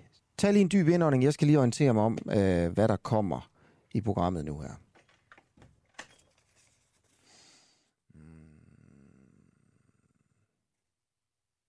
Ja, det er Brian Mørk. Det er simpelthen Brian Mørk. Øh, vi skal have... Nej, det er det ikke. Det er Sønderjylland. Det er godt. Øh, vi skal til Sønderjylland. Øh, det er jo det, øh, der sker. Øh, når jeg sidder her øh, alene i studiet, og så nogle gange, så skal jeg lige, skal lige trække vejret et øjeblik. Øh, og det er jo altså også fint nok. Øh, altså, interviewet med Brian Mørk, det kommer altså så om cirka sådan 5-10 minutter. Og, og det bliver et spændende interview, øh, fordi det handler... Altså, Brian Mørk er komiker. Han har været involveret i, i, en, øh, i en, det, der hedder en shitstorm, fordi han skrev øh, noget øh, om MeToo-debatten på de sociale medier. Hvad det præcis var, han skrev, det, det kan du høre om, om 10 minutter. Men, men så siger han altså selv, at han er blevet aflyst i forskellige job og sådan noget, fordi han har en holdning, der ikke flugter med mange menneskers holdninger. Det har simpelthen haft den effekt, at folk har aflyst ham som komiker. Og, altså, men han har indtil videre nægtet at sige, hvor, hvem det er, der har aflyst ham, på grund af hans holdninger. Noget, som, som jeg jo vil mene, på en eller anden måde, er en skandale, at man bliver mister arbejde i Danmark, fordi man mener noget, der er fuldstændig inden for rammerne af ytringsfriheden, og som i virkeligheden også er forholdsvis mainstream at mene uden for medierne. Øh, og jeg tror, at vi om 10 minutter altså kommer til at komme ret tæt på, præcis hvem det er, der har, i hvert fald lidt tættere på, end man har været indtil nu, øh, i forhold til hvem det er, der har sanktioneret øh, komiker Brian Mørk på grund af hans holdninger. Og nu er det, jeg siger godmorgen til Mianne Søndergaard, ejer af Ben and Breakfast. Godmorgen. Godmorgen. Godmorgen, tak fordi du vil være med her. Øh, Jeg skal snakke med dig, fordi jeg vil prøve at undersøge, hvor høj en pris vaccineskeptikere egentlig er villige til at betale for at undgå at blive øh, vaccineret. Øh, Vi har jo at gøre med øh, øh, en situation her, hvor 4 millioner danskere, cirka 70 procent af alle danskere, er færdigvaccineret. Øhm, men med den her mere smitsomme delta-variant, der er det vigtigt, mener myndighederne og de fleste eksperter, at endnu flere tager imod en vaccine. Det var også noget, der blev gentaget af statsministeren på mandagens presmøde. Men der er folk, der mener, at vacciner er farlige, som nægter at blive vaccineret. Og vi snakker, jeg snakker med dig, Mianne, fordi du på ja. en eller anden måde er en af dem. Øh, du vil ikke have gæster på dit bed and breakfast. Øh, altså, du vil ikke have gæster, som er blevet vaccineret mod corona. Øh, du mener ikke, at øh, corona er så farlig, som andre mener.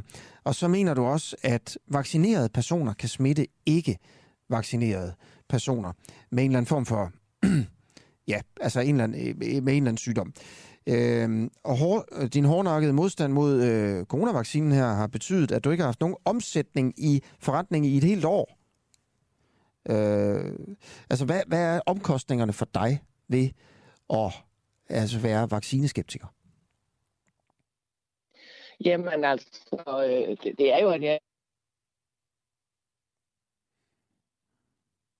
Hallo?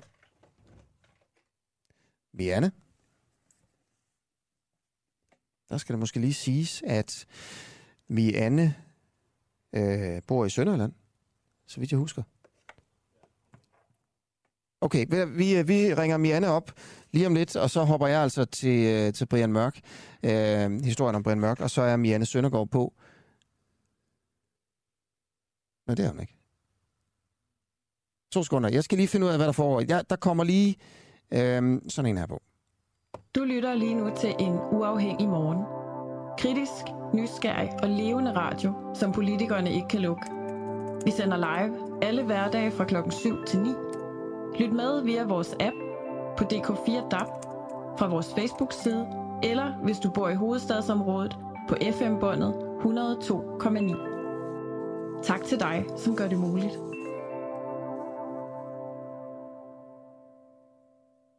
Ja, øh, okay, vi, vi går heller ikke til Brian Mørk øh, lige nu. Der sker det lige nu, at øh, vi ikke rigtig lige har noget på programmet. Og det vil jo sige, at du faktisk har en mulighed, dig der lytter med, for øh, i stedet for at sidde og kommentere, så måske sende et spørgsmål til mig på sms, eller sende et spørgsmål på øh, Facebook live. Øh, så vil jeg prøve at svare på alt øh, om, øh, om øh, den her radio, om interviews og, og sådan noget her. Øh, jeg kan måske også lige fortælle lidt om sådan visionen for det, vi sidder og laver her. Øh, vi er lige nu øh, en flok mennesker, øh, hvoraf de fleste faktisk får en kummerlig løn. Øh, men trods alt en, en lille løn. Øh, jeg får ikke noget nu. Jeg får en taxa ind øh, hver morgen, øh, fordi jeg har været morgenvært før, og, øh, og jeg har simpelthen bare lovet mig selv, at, øh, at det vil jeg ikke være igen. Og så, så bliver jeg det igen, fordi det er så hårdt at stå tidligt op, så jeg tager altså en taxa, taxa ind. Og det er så det, jeg får for det her. Øh, andre får, for løn. Øh, vi er jo øh, for eksempel øh, Nikolaj, der, der lige nu sidder ved siden af mig og prøver at få teknikken til at virke. Øh, og Clara og Peter, der står herude øh, i regirummet og hjælper med at producere morgenradioen. Men altså, og vi har 3.000 medlemmer, der betaler 39 kroner om måneden, og vi har brug for flere, så hvis du ikke betaler, øh, hvis du ikke er medlem hos os, så må du meget gerne overveje at blive det. Vi har brug for øh, hjælp, og vi har brug for at vokse, selvom vi er vokset meget mere, end vi egentlig havde forestillet os. Den uafhængige vil være Danmarks mest kritiske, nysgerrige og levende morgenradio. Og vi vil være levende på den måde, som vi måske er lige nu. Altså uforudsigelige i, i vores radio. Altså for os og for mig gør det ingenting, at teknikken ikke virker. Overhovedet. Øhm, vi vil også gerne øh, være kritiske ved at, at lave de bedste interviews øh, i Danmark. Øh, og, og så nysgerrige ved at være oprigtigt interesseret i øh, de kilder, vi har med, og ved at stille spørgsmål, som, hvor vi faktisk er interesseret i, hvad der, altså hvor vi ikke kan regne ud, hvad der bliver svaret. Øh, det er, en, øh, det, er jo, det er jo simpelthen en sygdom i dansk radio, og også i dansk tv, at man stiller spørgsmål, man godt kender svarene på i forvejen. Ja, og nu er Mianne Søndergaard klar. Mianne, ja. nu skulle der være forbindelse. Jeg ved ikke, hvad der skete. nej, nej, det er fint. Jeg hvor, hvor... lige så stille. Ja, ja. Hvor er du henne i verden? Jamen, jeg sidder nede i Bylderbog, eller Bredvad, ved, ved, mellem Områ og Tønder. Nå, okay. Er der, okay. Er der, er der god mobildækning dernede normalt? Øh, jamen, jeg kører på wifi calling, øh, for ellers så er det øh, mildt sagt røv og nøgle på min ejendom, men det er jo, det er jo sundt, der ikke er stråler. Så ja. vi kører på fibernet. Ja. Øh, og, og det er jo så du er også så imod øh, stråler, og du er så også øh, du er altså jeg præsenterer dig som vaccineskeptiker, og det er jo nærmest ja. mildt sagt, ikke? Øh, øh, og, og jeg snakker med dig for ligesom at få et indblik i, hvad vaccineskeptikere, altså hvor meget man egentlig mener det. Øh, så hvad er altså hvilke hvad er den pris du betaler for at, at være så meget vaccineskeptiker som du er? Jamen, øh, det er da en, det er da en stor pris, men den er da villig til at betale, øh, for der er da ikke noget, der er vigtigere end mit eget helbred. Øh, kan man ikke hjælpe sig selv, så kan man ikke hjælpe andre, så jeg bliver syg. Øhm, og, og som sagt, så, så havde jeg jo en sæson sidste år, og, hvor jeg ikke gjorde anderledes end altid har gjort, og gav hånd og sagde goddag, og sådan for jeg ikke bange for at få influenza, som jeg jo kalder den her corona, som ja. vi har nu. Øhm, og, og, og, og jeg bruger ikke nogen af alle de der ting, altså, øh, for det, det ødelægger ens immunforsvar at bruge håndsprit og, og bruge maske og alle de ting. Det er ikke noget, vi har brug for. Nej. Vi har brug for frisk luft og det, så... Øhm, men, men nu har jeg ikke nogen kunder. Øh, øh, der kan det være, der kommer et par stykker nu, fordi de, der er nogen, der endelig tør at komme. Mm. Men, men, øh, altså, men du ejer ja. jo et bed and breakfast. Uh, ja. Er det rigtigt forstået, at du kun vil have kunder, som øh, ikke er vaccineret?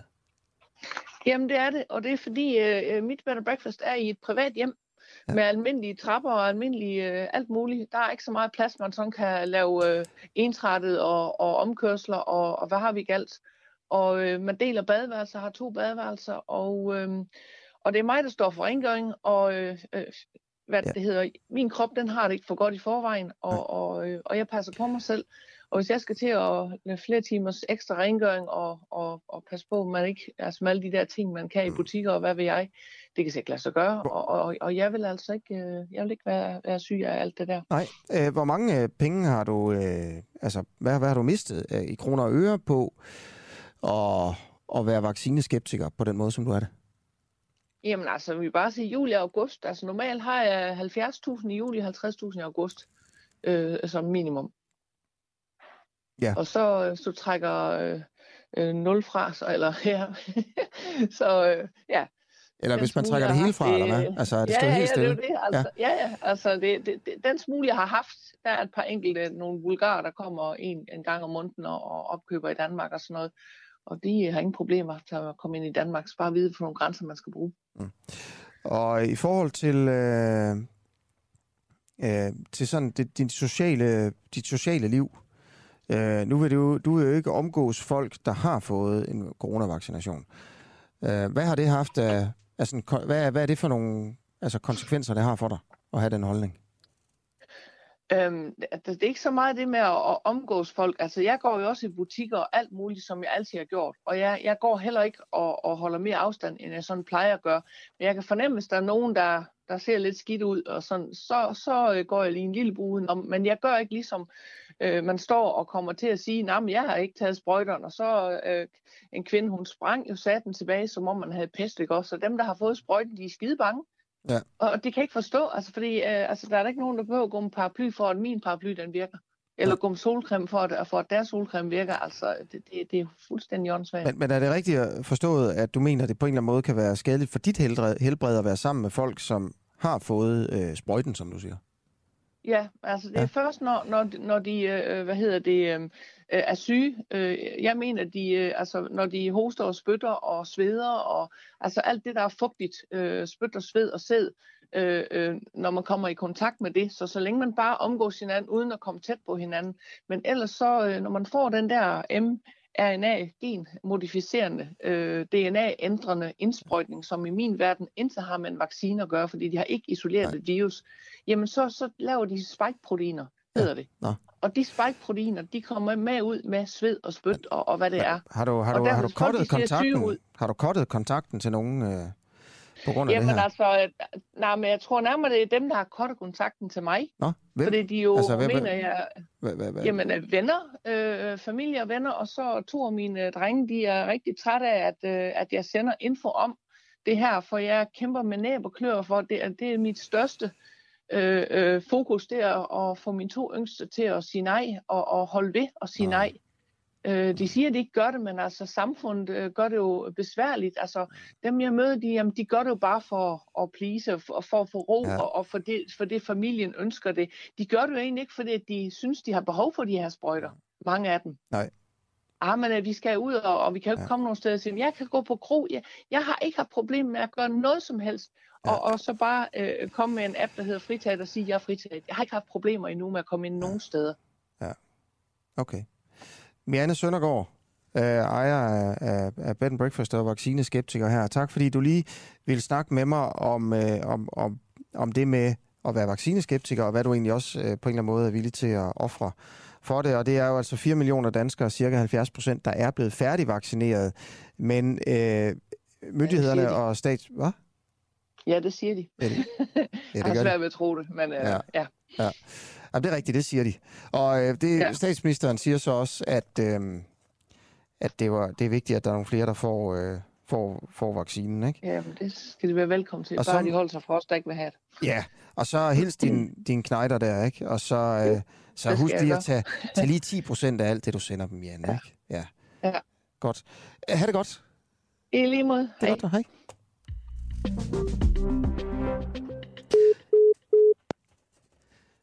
Hvem har aflyst komiker Brian Mørk, fordi han har nogle særlige holdninger til MeToo?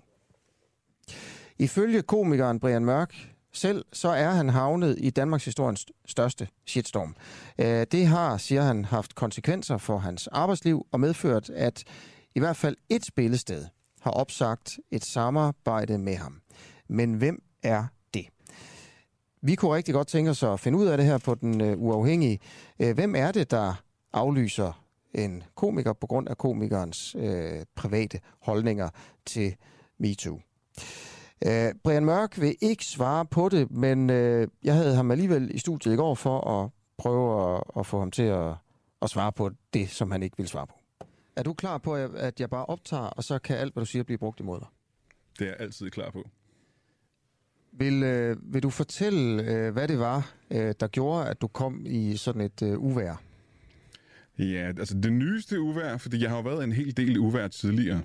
Øh, men det nyeste uvær var, at jeg læste en artikel, øh, den artikel, om øh, de fem kvinder, der havde været udsat for Nasser Carter for ja, næsten to måneder siden nu.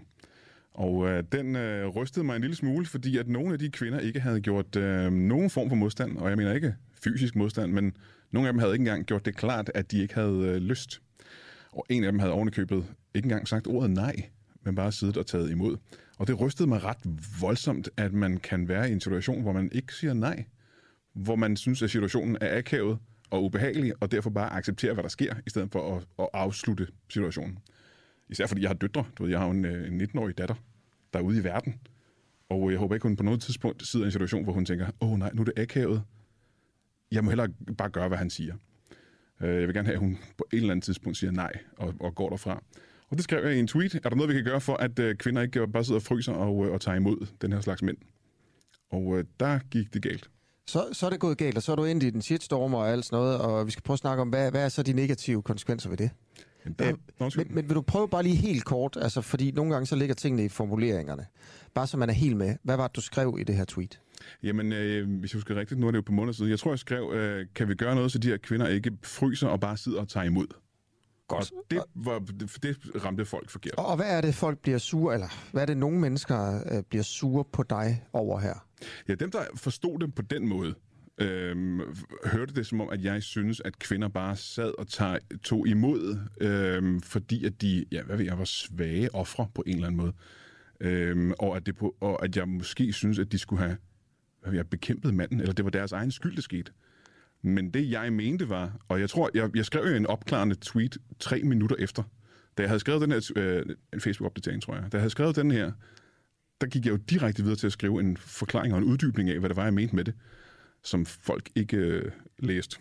Og det er jo ikke, fordi vi skal have debatten om dit tweet nu, synes jeg egentlig. Nej. Den har du sikkert også taget mange gange. Jo. Øh, bare, lige, bare lige ganske kort, altså, hvad var, hvad var sådan baggrunden? Altså, du, du har haft talt om baggrunden, men Hvorfor synes du, det er okay at skrive det, du skrev? Jamen, ja, fordi jeg, det, jeg mente med det, jeg skrev, var jo, øh, synes jeg, den rene logik og fornuft. Jeg mener, at man skal forberede unge piger på, før de tager ud i verden, at der findes klare mænd, og at det er okay at sige nej. Hvad har konsekvenserne været for dig? ved, øh, at du skrev det tweet der? Der har været en del forskellige konsekvenser. Uh, en af konsekvenserne er, at jeg de sidste to måneder har været mere i medierne, end jeg har været de sidste 10 år. Øh, det har været virkelig voldsomt fokus på det, fordi at jeg var igennem den her, jeg tror, jeg har slået en rekord i shitstorm, hvis jeg skal være helt ærlig, i Danmark. Øh, men det har jo også, øh, ja, udover at jeg har haft lidt herværk på min øh, hjemmeadresse, at det er, jeg er nervøs for at gå en tur igennem København med mine børn, for eksempel, fordi at øh, folk øh, kan finde på de mærkeligste ting, altså. Jeg, er- jeg er lidt smule nervøs for, at der kommer en eller anden 16-årig Antifa-dreng og kaster noget i nakken på mig, mens jeg går med mine børn. Og så har det betydet, at, øh, at mit job er blevet øh, sværere at udføre. Øh, vil du prøve at fortælle om det? Det med dit job. Jamen, det startede sådan set med, at... Øh, det startede sådan set med, at jeg lagde mærke til, at øh, det, jeg lever af, det er, at øh, jeg er ikke i fast stald hos en booker. Jeg er hos alle booker i Danmark, kan hyre mig til stand-up jobs og konferencierjobs og alt den slags. Og øh, de første, efter der var gået en uge eller to, øh, lagde jeg mærke til, at øh, de jobs, jeg blev budt ind til, kom tilbage og var nej. Mere end de plejede at være. Og øh, nogle af bookerne sagde, det er sgu, der er nogle jobs, vi ikke booker dig ind til, hvor vi ikke engang foreslår dig, fordi de ikke, du ved, vi forventer, at de ikke vil have dig på grund af det her. Og jeg fik et job... Øh... Må jeg bare prøve at stoppe der? Hvor mange bookere siger det til dig? Jamen, jeg har vel prøvet det med tre helt uafhængige bookere af hinanden, der har sagt det. Som, som siger, prøv at, Brian, altså vi, prøver engang, vi gider engang prøve at sælge dig. Ja, på nogle af de, på nogle af de jobs, de normalt ville have mig hyret ind på, ville de ikke engang prøve at sælge mig. Og, øh, og der var jobs, som, øh, hvor de kom tilbage og sagde, øh, ja, det her det er helt klart, det, det passer perfekt til dig. Og så kommer de tilbage og siger, øh, jeg ved ikke helt hvorfor, men de, de sagde nej. Men de foreslog, at du måske skulle optræde hos nye borgerlige næste gang. Og jeg tænker, ah, okay, ja, det er så nok direkte i forlængelse af det her, ikke? Men, men ved du, at, de har, at der er nogle kunder, der har sagt nej, fordi du har ment noget om øh, MeToo? Jamen, jeg fik det først, øh, jeg fik det først helt bekræftet her for ganske nylig, hvor øh, jeg blev hyret til et stort øh, offentligt event i Aalborg, hvor jeg først blev øh, godkendt af arrangøren, og, øh, og alt var okay, og jeg havde skrevet det i kalenderen. Og så samme dag ringer bookeren mig op og siger, at sponsorerne på eventet har, har boykottet det og, og nikset det, fordi at de ikke vil fornærme deres øh, kunder. Så ja. Hvornår var det event? Jamen, det er et event, som vil foregå, ja, det ved jeg ikke, om 14 dages tid, tror jeg. Eller en, tre uger, det kan jeg ikke Ja. lige nu. Altså, hvor stort er eventet? Om det var et stort offentligt event i, uh, i Aalborg by, som jeg ikke kan sige præcis, hvad var. Fordi at, uh, det vil komme til at gå lidt ud over ham, bookeren. Jeg er nødt til at beskytte bookeren. Han kan jo ikke uh, gøre sig uvenner med, med, med, med sponsorerne. Jeg vil rigtig gerne vide, hvad det er for et offentligt event. Ja, det kan du sgu ikke få at vide, du. Men jeg kan fortælle dig, at uh, du kan snakke med bookeren, og så vil han bekræfte for dig. Men det er et, øh, et, et, et offentligt, stort offentligt event i Aalborg ja. om cirka to uger. Ja, eller, Hvor- eller tre år omkring. Jeg kan ikke huske Ja, det. hvor sponsorerne sagde nej. Ja. Eventet, øh, eventet havde sagt ja, men øh, sponsorerne til eventet sagde nej. Ja. Var det... Øh, jeg synes jo, at... Altså, jeg vil gerne problematisere, at, at øh, man kan få, altså, blive fjernet fra et job, hvis man har en, en holdning til MeToo. Ja. Øh, og det går også ud fra, at du selv mener, på en eller anden måde, øh, i en eller anden verden er problematisk. Så derfor skal vi finde ud af, hvem skurken er. Sådan er journalistik også jo. Ja. Og det vil du ikke sige. Jamen, jeg kan jo simpelthen ikke sige det, øh, fordi at bookeren, der øh, prøvede at skaffe mig det her job, og troede, han havde skaffet mig det her job, stadigvæk har dem som kunde, øh, og skal sk- sælge dem en anden komiker, som ikke er mig. Og hvis øh, jeg går ud nu og siger, øh, hvad det er for et event, og hvad det er for nogle sponsorer, så vil de, du ved, muligvis tage det ud på ham. Jeg er nødt til at beskytte ham jo. Altså, han skal jo ikke øh, lide under, jeg er ikke, øh, at jeg er en idiot. Er det, øh, er det, en, er det en offentlig kunde? Altså, du siger, at det er et, et, det er et, et offentligt, event. Offentligt, med offentligt event mener jeg, at det er et event, hvor almindelige mennesker kan købe billet. Det er ikke et øh, firmajob, for eksempel. Det er ikke øh, øh, det, det er et sted, hvor almindelige danskere kan købe en billet til et offentligt show. Det er det, der er et offentligt show. Men, men det er ikke sådan, at det er kommunen, der arrangerer det? Mm. Eller det er, offentlig, er der offentlige penge bag? Ikke så vidt jeg har hørt, nej. Øh, Så vidt jeg har hørt, er det øh, firmaer, der sponsorerer det her event. Øhm, og, og der ved du, og hvad er kilden præcis på, at, at det er fordi, du har lavet det tweet der? Øh, at det fortalte de ham. At arrangøren af eventet, der havde, der havde sagt ja til bookningen, vender tilbage til ham og siger, at han har snakket med øh, sponsorerne, som siger, at de kan ikke hyre Brian Mørk, fordi de ikke vil fornærme deres øh, kunder. Og det er ikke, fordi de er bange for at fornærme øh, tilskuerne til, øh, til det her stand-up-job. Det er, fordi de er bange for at øh, fornærme deres kunder, simpelthen fordi de har hyret mig til det. Øhm, hvad, hvad er det for nogle sponsorer? ja, det kan jeg ikke fortælle dig. Men igen kan jeg sige, at du kan snakke med bookeren, og så kan han bekræfte for mig, at det er, ja. at det er sket. Ikke? Ja. Øh, har de fået fyret, hyret en anden øh, stand så? Øh, det jeg. Jeg ved, der var en anden stand-up-komiker på, på plakaten samme dag. Nå, øh, hvem var det? Det var Kasper Grus, en rigtig dygtig og, og flink ja. kollega, som var på samme... Øh... Nu kan vi jo finde ud af, hvad det er. Ja, men jeg har ikke sagt noget. Ja, det var altså øh, Brian Mørk, øh, komikeren, øh, som jeg øh, interviewede i går eftermiddags. Og vi er i gang med at prøve at, at lokalisere, altså hvad det var for et event, hvem det var, der fyrede Brian Mørk på grund af hans holdninger, fordi vi ved jo nu sådan cirka, hvornår det var, og hvilken anden person, der er på plakaten. Så vi er i sving. Det er øh, min kollega Peter Marstal, øh, der har bolden på den her, og vi vil se, om vi kan få noget i radioen i morgen. Vi har her i de her dage fokus på, om tvangsfjernelser i øh, Danmark, tvangsfjernelser af, af børn, foregår på en ordentlig måde. Og det er jo i en tid, hvor Ekstrabladet har lavet nogle fantastiske historier om, at der er Øh, der er grus i maskineriet. Øh, der, er, øh, der er en, der har lavet sådan nogle vurderinger her af forældre, som ikke burde have lavet dem, for at sige det mildt. Det kan man gå ind og prøve at læse lidt mere om på Ekstrabladet. Tak til Ekstrabladet for den fantastiske historie. Det, vi lever også i en tid, hvor statsministeren siger, at der skal øh, tvangsfjernes flere børn. Michael Herti øh, fortalte i går øh, i, i vores radio, at øh, forældrekompetenceundersøgelser, der vurderer, hvorvidt børn skal tages fra forældrene, øh, de bliver lavet på en måde, så altså, det nærmest ligner bestillinger af en forudbestemt konklusion. Og Michael Herti lovede samtidig, at han her til morgen ville prøve at eksemplificere sin kritik. Godmorgen, Michael Herti. Ja, tak fordi I måtte komme. Øh, det, du er, bare lige for at øh, præsentere dig ordentligt her. Du er kendt Skjern Pol for Aarhus Universitet. Du er pensionist, og du har været partsrepræsentant for grønlandske forældre. Og du har altså ja. også erfaring fra dit virke som embedsmand. Jeg skal bare lige høre, hvad er det for en form for embedsmand, du har erfaring med her? Jeg har siddet i en klageafdeling, øh, og dels med, med almindelige klager, og dels med noget øh, persondatasikkerhed i en otteårig periode i Københavns Kommune øh, i 90'erne, og så har jeg beskæftiget mig i Grønland med forvaltningsret, som den drives deroppe, ja. og undervist i det på universitetet. Okay, jamen øh, tak for det. Øh, vil du prøve at give nogle... Altså, du skal jo bare anonymisere, altså du ved, ja. alt, øh, alt hvad du kan. Det, det, Men, kan, jeg, øh, det kan jeg snilt. Øh, i, I denne her uge har jeg to sager op at vende. Øh, og jeg vil ikke nævne kommunen, jeg vil nævne, det er en grønlandsk kvinde. For det første, så har kommunen, hun har flyttet fra en kommune til en anden, og den første kommune havde haft en mistanke om, at hun skulle være skizofren, og sendt hende derfor til øh, psykiater, og psykiateren sendte en klar besked tilbage, at øh, på det der grundlag kunne de ikke sige, at hun skulle være skizofren. Øhm, det indgik så i bunken på 800 sider, eller hvor meget det nu er, der sådan en sag vokser op til inden fødslen.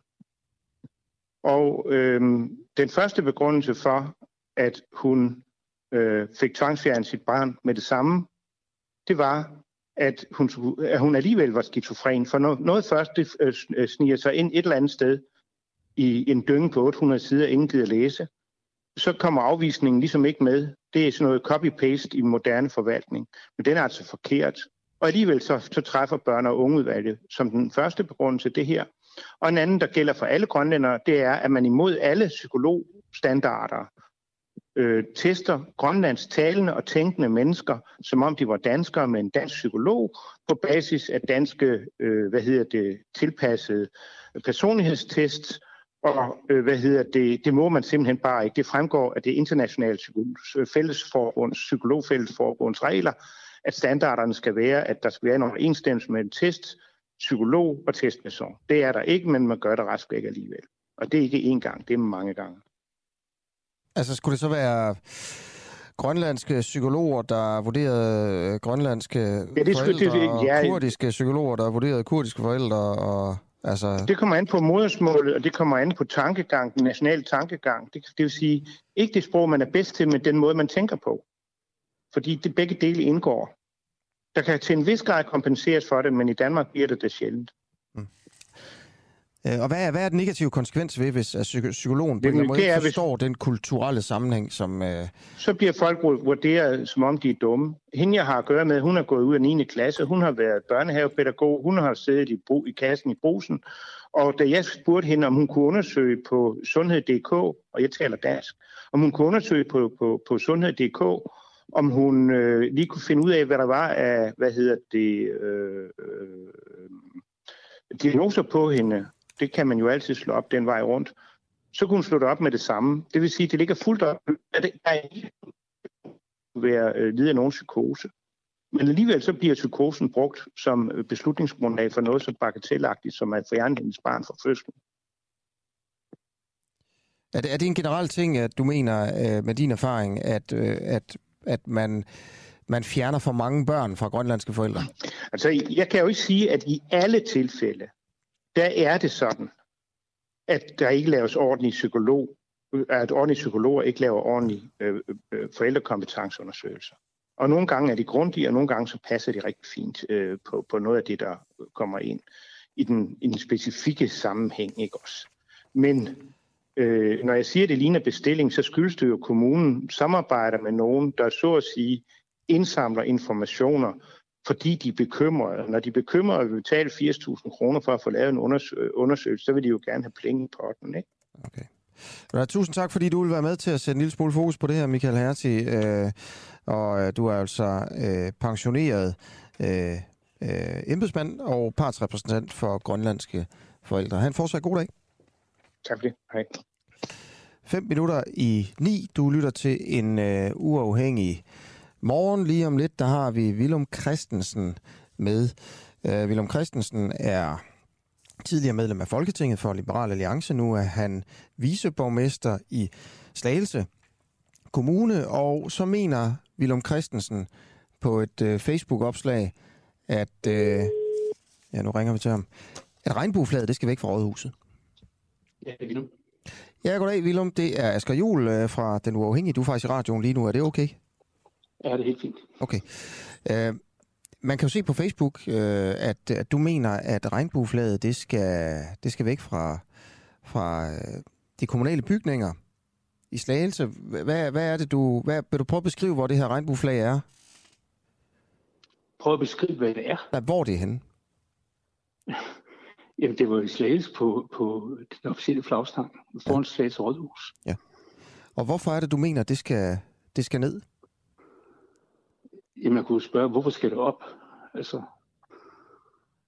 Ja, det kunne man også. Men, men nu spørger jeg så dig om, hvorfor det skal ned. jamen, nu er det jo taget ned. Ikke? Altså, det, der var øh, min forundring, det var, at vi ikke havde drøftet det i kommunens økonomiudvalg. Ja. For det er, for jeg laver opslaget.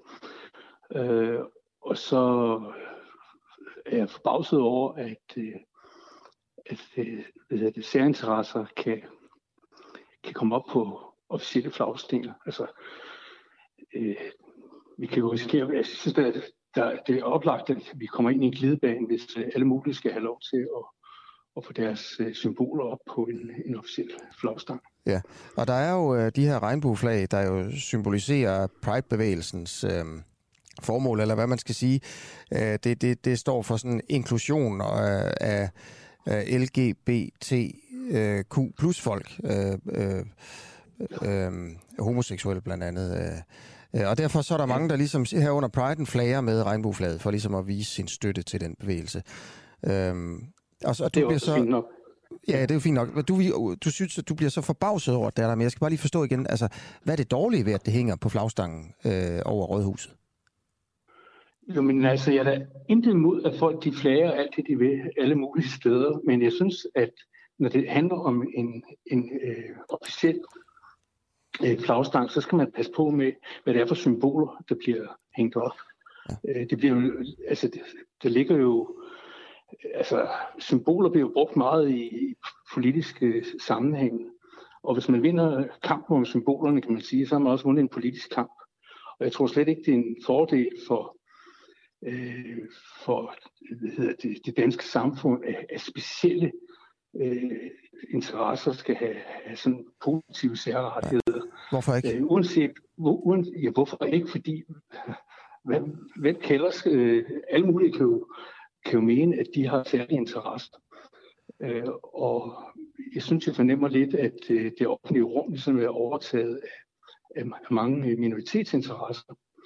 Og det synes jeg ikke, at som offentlig instans kan være ved til. Nej. Øhm, det der med glidebanen, skulle man ikke bare øh, tage fat i, altså at stoppe glidebanen, når man kommer ud på den, øh, i stedet for at gøre det før? Altså så sige, øh, jamen, altså, hvis, hvis det er lige pludselig, at der skal hænge øh, minoritetsflag og særinteresser øh, mm. over, over rådhuset i Slagelse, altså du ved, 364 dage om året, så, så, tag, så, tag, så tag hånd om det der, men, men en enkelt uge med et Pride-flag, øh, øh, hvorfor er det i sig selv, altså hvis du, hvis du prøver at lade glidebaneargumentet være, i sig selv en uge med Pride-flag over rådhuset, hvorfor er det et problem? Ja, hvis, fordi jeg synes, det bliver et cirkus. Altså, hvis øh, Røde Kors så har en indsamlingsdag, skal, skal Røde Kors så også op? Men det er Røde Kors jo ikke. Det er der ingen, der siger. Så, så, nej, så Pride-flaget i altså, sig selv, uh, hvad er der galt med det? Altså en uge over Rådhuset, i, har det en negativ der konsekvens præcis, Der er præcis det, prøv at høre, der er præcis det galt, at det vil være ganske umuligt at, at afgrænse, hvem der skal have lov, og hvem der ikke skal have lov. Nu får vi den politiske diskussion i Slagels økonomiudvalg, fordi jeg tog det op. Uh, vi havde ikke nogen politik for det, kun for, for hvordan Danebo skal flage. Og jeg vil garantere for, at det vil ende i et hundeslagsmål. For hvem, hvem, har, hvem skal have monopol på at kunne være, den, være ligesom en, en, en sammenhængs... Øh, hvad hedder det, en sammenhængende, sammenhængende symbol. Hvis, det, hvis symbol skiller folk, ja. øh, så synes jeg ikke, det, det gør Dannebro jo ikke. Nej, det er Dannebro er 700 år gammel og har nogle helt andre kvaliteter. Okay. Og det tror jeg har stor opbakning i, i befolkningen, i modsætning fordi... til særinteresser. Ikke? Tak fordi du var med ganske kort her, Willem Christensen, visborgmester i Slagelse.